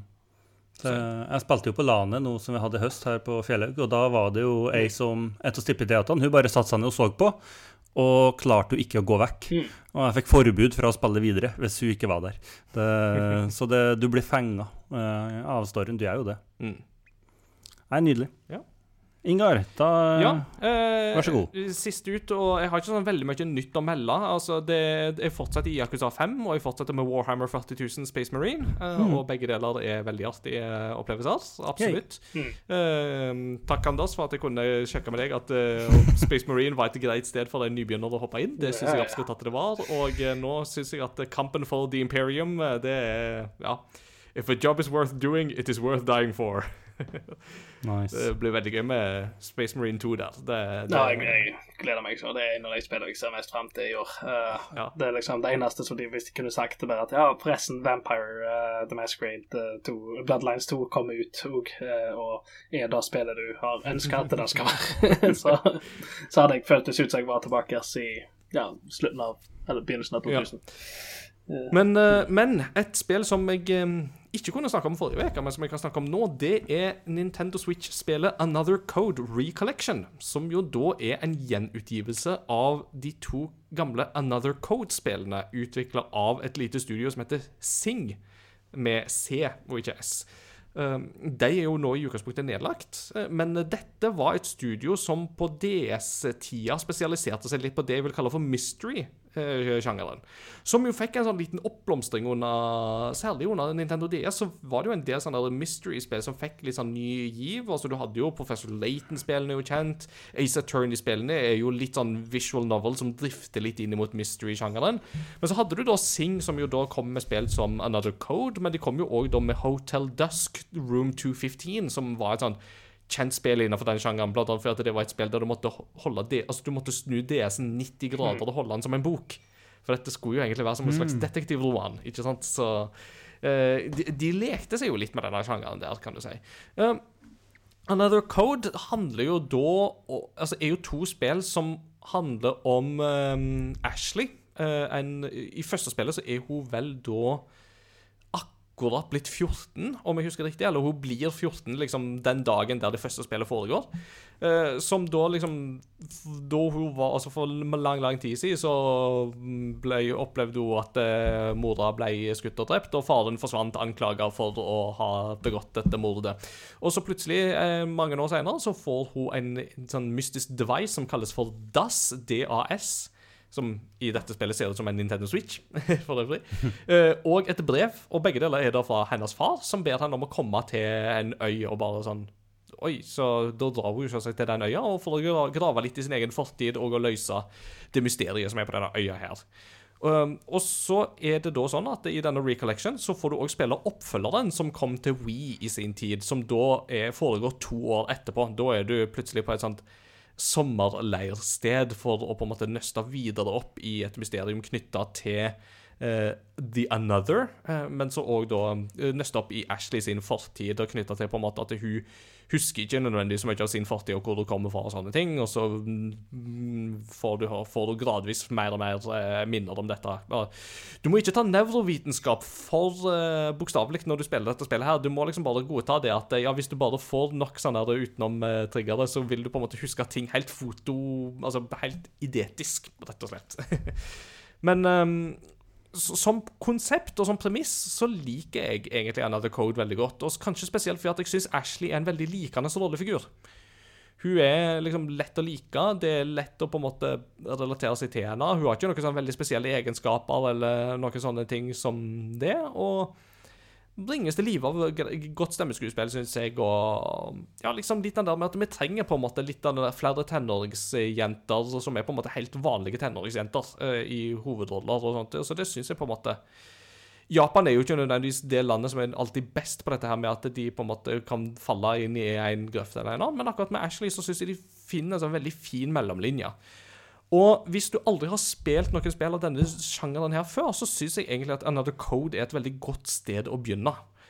Men den tekniske gjennomføringa her er veldig svak. Det er veldig enkel grafikk på dette her. Altså Alle sånne eh, naturomgivelser og sånt har veldig flate og kjedelige teksturer. Det ser veldig billig ut, egentlig. Altså Det føles nesten som noe som egentlig er på PlayStation Vita, som bare er oppskalert til en Nintendo Switch. Og det er liksom sjelden et godt tegn. Og en annen ting er jo det at eh, manuset blir veldig blir, ting blir veldig overforklart. Det er veldig lite liksom show, don't tell. Her er det veldig mye tell. Du skal liksom hamle inn poengene veldig sånn at alle skal få det med seg. Og en del av disse gåtene som skal løses og sånt, er veldig sjelden vanskelige. Uh, Iallfall hvis du har på en måte fikla med litt sånn et spill som dette her før. Og alt i alt så landa jeg på en sånn veldig sånn middels karakter på dette her, da jeg anmeldte det for Game Reactor, som dere kan da lese. Eh, et, et greit sted og å på en måte entre sjangeren, som sagt. Og, men jeg syns egentlig at Ashley hadde fortjent bedre enn denne gjenutgivelsen her. Den falt dessverre litt flatt. Eh, og det kan nok òg skyldes litt at kildematerialet er jo litt sånn så som så, men ja det, det, det er samtidig gøy å se at de på en måte trekker fram litt sånne gamle serier dette her, og de lar de få litt nytt liv. Eh, Og særlig for amerikanske spillere så tror jeg nok at det var litt eh, greit, for at de fikk aldri Wii-spillet før. Eh, Og nå har liksom begge disse spillene fått liksom en sånn ensretta, lik stil, så det er litt sånn at du må spille det ene spillet før du kan spille det andre. Så de går litt sånn over igjen, og de, de har en sånn grafisk stil som begge eh, som, som er på en måte lik mellom disse to opplevelsene. da. Jeg mener jeg så at uh, direktoren av originalene uh, gikk ut og liksom ga sin velsignelse til prosjektet. Som, som er jo kjekt, da. At uh, det er jo Altså, e- enten om sluttresultatet er bra eller ikke, liksom sånn i den forstand, eh, så er det jo viktig å ta vare på en del av spillhistorie. Og eh, hvis du kan på en måte presentere Nintendo har vært veldig god på dette med disse detektivspillene sine òg, og prøve å introdusere det til nye publikum, samtidig som du, du har en måte å spille på nye plattformer etter hvert, så gamle plattformer blir vanskelig å få tak i og utdaterte og sånt. Så. Mm. Så det er noe med det at det mm, jeg, jeg, jeg satt liksom ikke og var fornærma over hvor dårlig det var, eller noe sånt. Men jeg satt og samtidig kjente liksom litt på at dette spillet hadde fortjent mer kjærlighet. Mm. med liksom litt mer Løft. Litt høyere budsjett og litt mer polish, så kunne dette her blitt liksom løfta til iallfall en sekser eller en syv av ti. Men eh, Og kanskje òg hvis de på en måte hadde justert litt på manuset òg, litt mer, så hadde det i alle fall fort kunnet lande på en syv av ti, liksom. Men eh, dessverre så var det ikke helt der det landa på, det på fem, da, eh, til slutt. Det- Vet du om det har fått en ny lokalisering, eller er det eh, det samme som var i originalen, på en måte? Det har det nok, at det er litt omskrivinger her og der. Mm. Altså, jeg vet at det er noen gåter litt sånn som er skrevet om, så det er no noen ting her og der som er gjort litt på nytt. Og da er det nok, i lokaliseringa òg, så har det nok kanskje blitt gjort en ny jobb. Og det er jo Mm. fullt stemmeskuespill òg, eh, i begge spillene. Det var det vel ikke på DS i sin tid, tror jeg. ikke. Mm. Så ja. Så, så, så alt i alt så vil jeg si at uh, den biten var det iallfall ikke noe, noe gale med. Det, det var det ikke.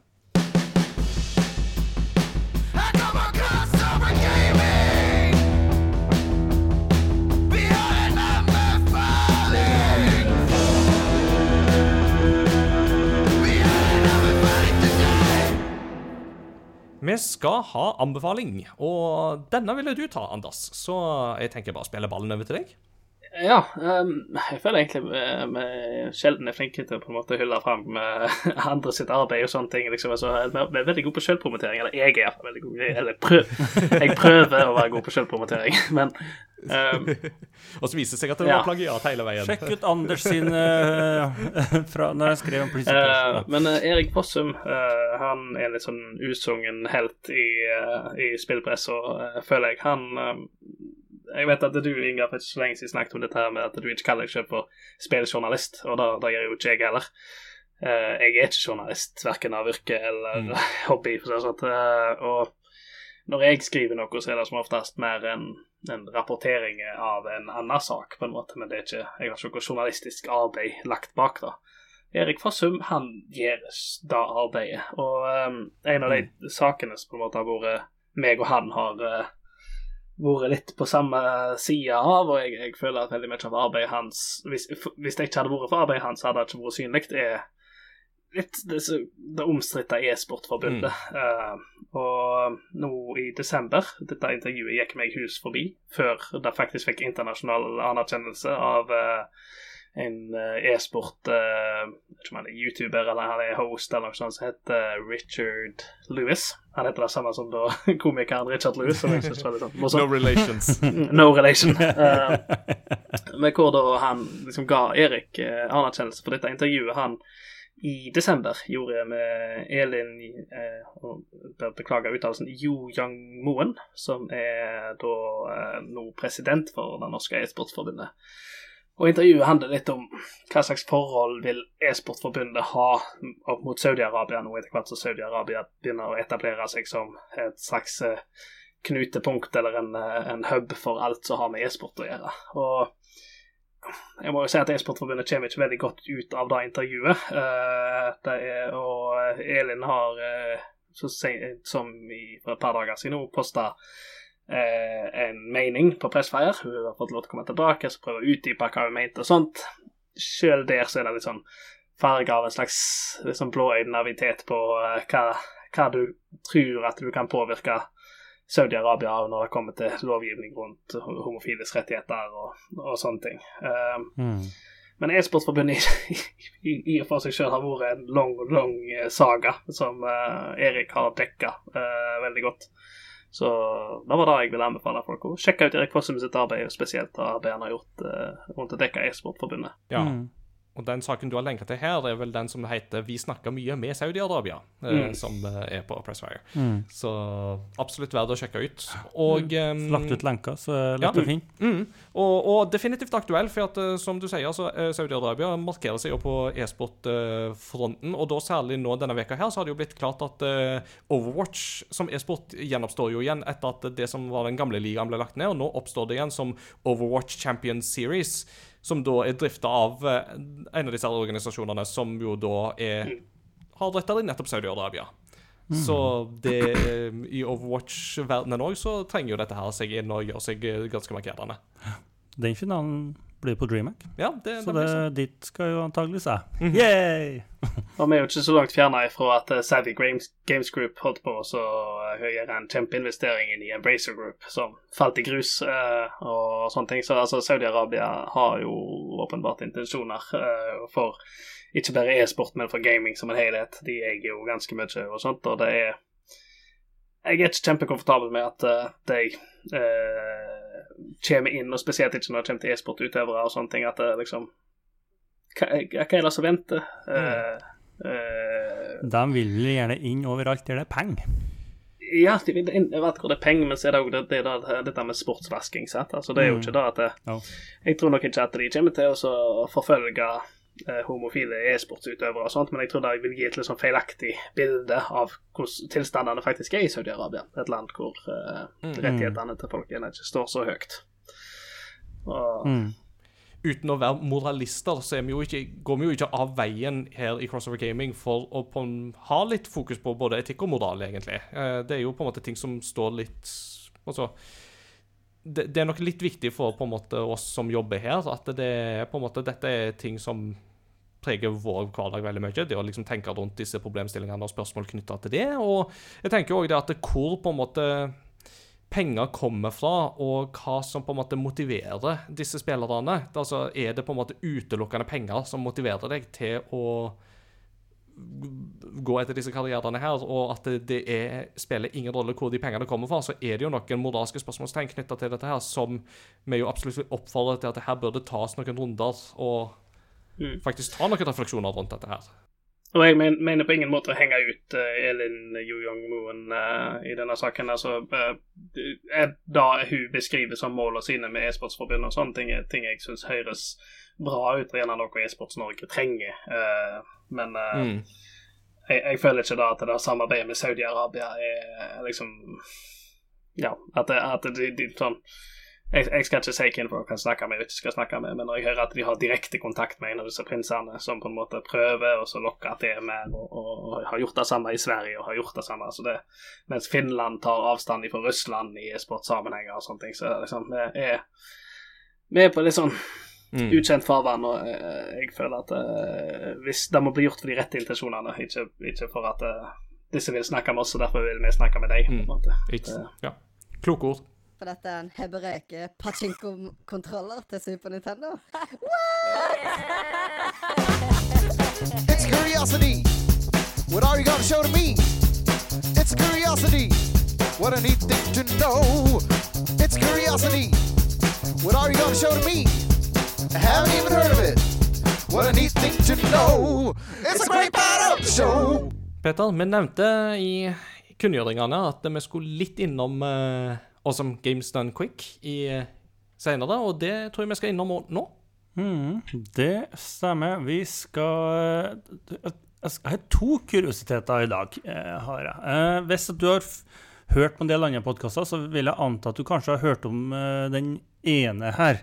Eh, men eh, jeg eh, kjenner dere til en speedrunner som heter Peanut Butter? Ja!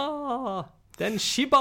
Det er en Shiba. Uh, det er jo da den første hunden som er med i Games Done Quick, uh, og som da spilte uh, ja, et relativt et, et ukjent spill for min del. Jeremite, til du hørte om det, Anders? Ja da. Uh, det er det der spillet som er med Rob the Robot, er det ikke? Ja, du styrer, ja, ja, du, du styrer en hvert fall på det spillet han spiller, så er det en, eh, styrer en professor som eh, går ned i søvne, eller hva han gjør, og så Ja. mm, skal du trykke, eh, trykke da, så at du får veggene til å gå ned og opp, eller som påler, da.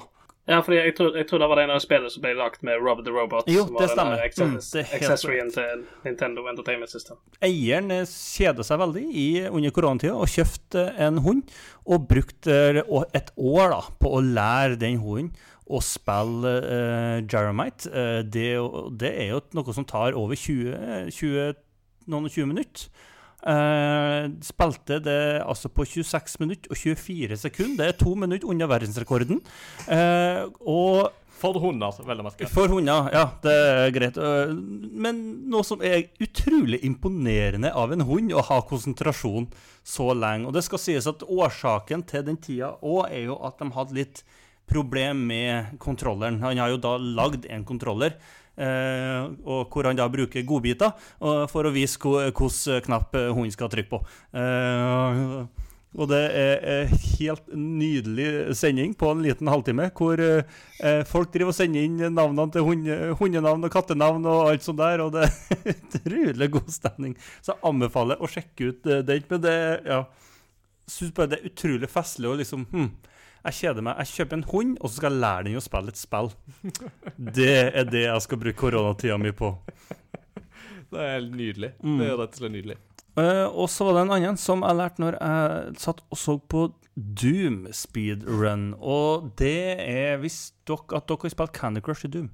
Ja, de har det nå. Microsoft eier begge to. Jeg visste ikke at de spillene hadde noe med hverandre å gjøre overhodet. Nei, uh, og altså Candy Crush og Candy Crush det, Ja, det, det er sant. det, det stemmer. Eh, og det, det er ikke Candy Crush, men det er akkurat samme formelen. Og da er det i, på den banen som heter Lazarus Lab, eh, så det inn, når du er liksom inne i selve laboratoriet, så har du fullt av PC-er. På den ene PC-en så kan du gå bort, og så kan du spille eh, Candy Crush i Doom-fasong, da, hvor du, du Da skal du få tre jævler på rekke og rad der, og forskjellig sånn, da. Eh, og så sånn nedteller og full pakke. Eh, nice. Som er en liten easter egg som er lagt inn der, som er sånn ah, det er festlig. Det, Eh, Red Crew skulle vel hatt denne topp ti-lista av spill som Eller topp fem-lista, som de pleier å ha, da. Eh, De skulle hatt en liste av eh, spill id Software har lagt Eller uh, id Software og Machine Games har lagt inn i sine egne spill, for du har jo Wolfenstein uh, New Order. Der har du vel der, Men de kaller vel for de, de kaller ikke for Wolfenstein 3D, de kaller for Hans et eller annet. ja, det stemmer. Det kan du jo Du kan spille gjennom hele første nivået av Wolfenstein 3D. Og Mm. ja, det. Og så har du jo disse Doom. Det er Doom Eternal. Så kan du jo spille Doom 2, Mm. Hell on Earth. Så Mm. eh, de har jo alle disse Mm. spillene inni hverandre. Rage og hadde noen av disse gamle Commander Keen-spillene, tror jeg. Ja. Apropos mysteriespill som vi snakket om tidligere, så hadde jo Murdered Soul Suspect, som var et spill som kom på Var vel 360 Eller var det, nei, eller var det PS4? Ja, kanskje PS4 det Det var i overgangen. Det kom på. PlayStation, ja. Det var, det var i hvert fall Mhm. overgangen der mellom liksom de generasjonene der. Eh, Men da er det jo liksom en sånn politistasjon som du jo kan besøke som, som spøkelse. altså, Som, som hovedperson du spiller som. Og alle på den politistasjonen sitter jo tydeligvis og spiller Deus Ex Human Revolution. For det er det du ser på skjermen på alle PC-ene, men du kan jo ikke spille det. Eh, Men det er bare det at det, det var vel Eidos var vel involvert i i det òg, så det var en sånn easter egg som de la inn. Så det var sånn det, Deus Ex Human Revolution var så populært at alle på politistasjonen sitter og spiller det istedenfor å løse kriminalsaker. Så har du den ene ruta i uh, Hitman uh, The World of Assassination på Sapienza, hvor hvis du går inn i en leilighet, så går du forbi en skjerm, så spiller Hitman 2. Eller nei, Hit, Hitman Blood Money. Yes. det. Mm, stemmer. Du kan ikke spille, da. Games within games, der er det mye gøye kuriositeter. Ja. Så vi må ikke ta alle nå. Vi må spare noen til neste gang. Du har jo en som vi har tatt tidligere, kom jeg på nå. Det, det er ikke på en skjerm, men det er jo i Witcher 2, helt i starten. Så passerer du en uh, høystakk der det ligger en uh, fyr med hvit drakt rett på sida, og han sier They never They learn." never learn. Som er utrolig fin. Ja. Roy. Men ja. Mm, Herlig. Herlig.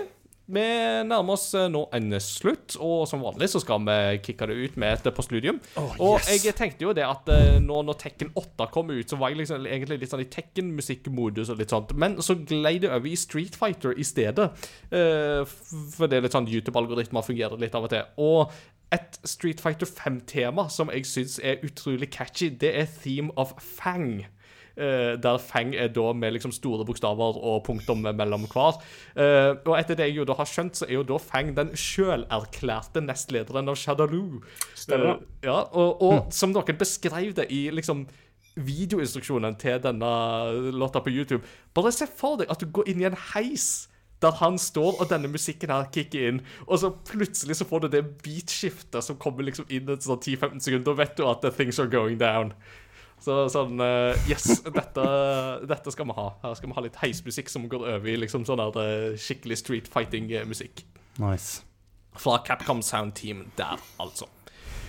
Andreas, tusen takk for at du tok deg tid eh, fra eh, Johan Sverdrup eh, til å være med. Vi er ikke sponsa, det må jo bare sies. Men er det noe du har lyst til å plugge til slutt? Spill.no, det er vel der folk finner deg og ditt? Ja da. Uh, Spill.pod er jo podkasten vår som jeg og Stian og Niklas uh, har starta. Det kommer ny uh, Anbefalt. Takk, takk for det. Cool. kommer nært veldig mye av dere, forresten. Uh, det kom- kommer en ny episode på ja, den 30. Uh, så kommer vi snakke om det her spillet som jeg og Sigar ikke kunne snakke om. Uh, Nei, nei, nei, vi har fått en knallstart på januar, uh, både på spill.no og i spill generelt sett, uh, i utgivelser. Så jeg vil eh, trekke fram anmeldelsen til Stian av eh, Like a Dragon eh, Infinite Wealth, som, som er det nyeste vi har på, på nettsida vår. Vel verdt å lese.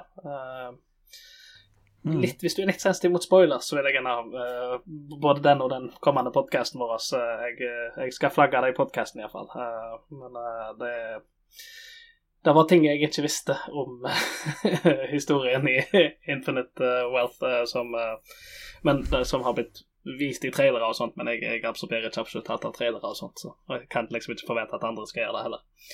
Men ja, nei eh, mm De neste par månedene har noen veldig kjekke Mm. spillanseringer, og vi tar eh, sikte på å få dekka Ja, Kult. Eh, apropos Like a Dragon Infinite Wealth, så så jeg um, Jeg tror det var Japan Times eller Japan Today, en av de eh, japanske nyhetssidene, så hadde et intervju med en av disse eh, produsentene for eh, Like a Dragon. Som da ble liksom spurt på en måte veldig sånn kort oppsummert hva er det som gjør at Like a Dragon skiller seg ifra GTA. We don't hit women. det var Det var hans oppsummering. Iallfall ikke hovedpersonene Nei, nei, nei, ikke damer. Det var mer, mer Det var der de forsvarer. Ja. Så det var liksom det viktigste. uh, så ja, vi er iallfall tilbake om to ukers tid med ny gjest og nytt spennende tema, så det er bare å eh, henge dere fast i stolen og sitte i ro i to uker. Nei, ikke gjør det. Da får dere sitte sår og kommer til å dø. Så eh, gå ut og få dere litt eh, frisk luft og mosjoner litt, og spill gode spill. Yes. Oss og vårt virke finner du på crossovergaming.no, så sjekk gjerne ut våre sosiale mediekanaler der. Vi snakkes ved neste korsvei. Ha det Ha det bra!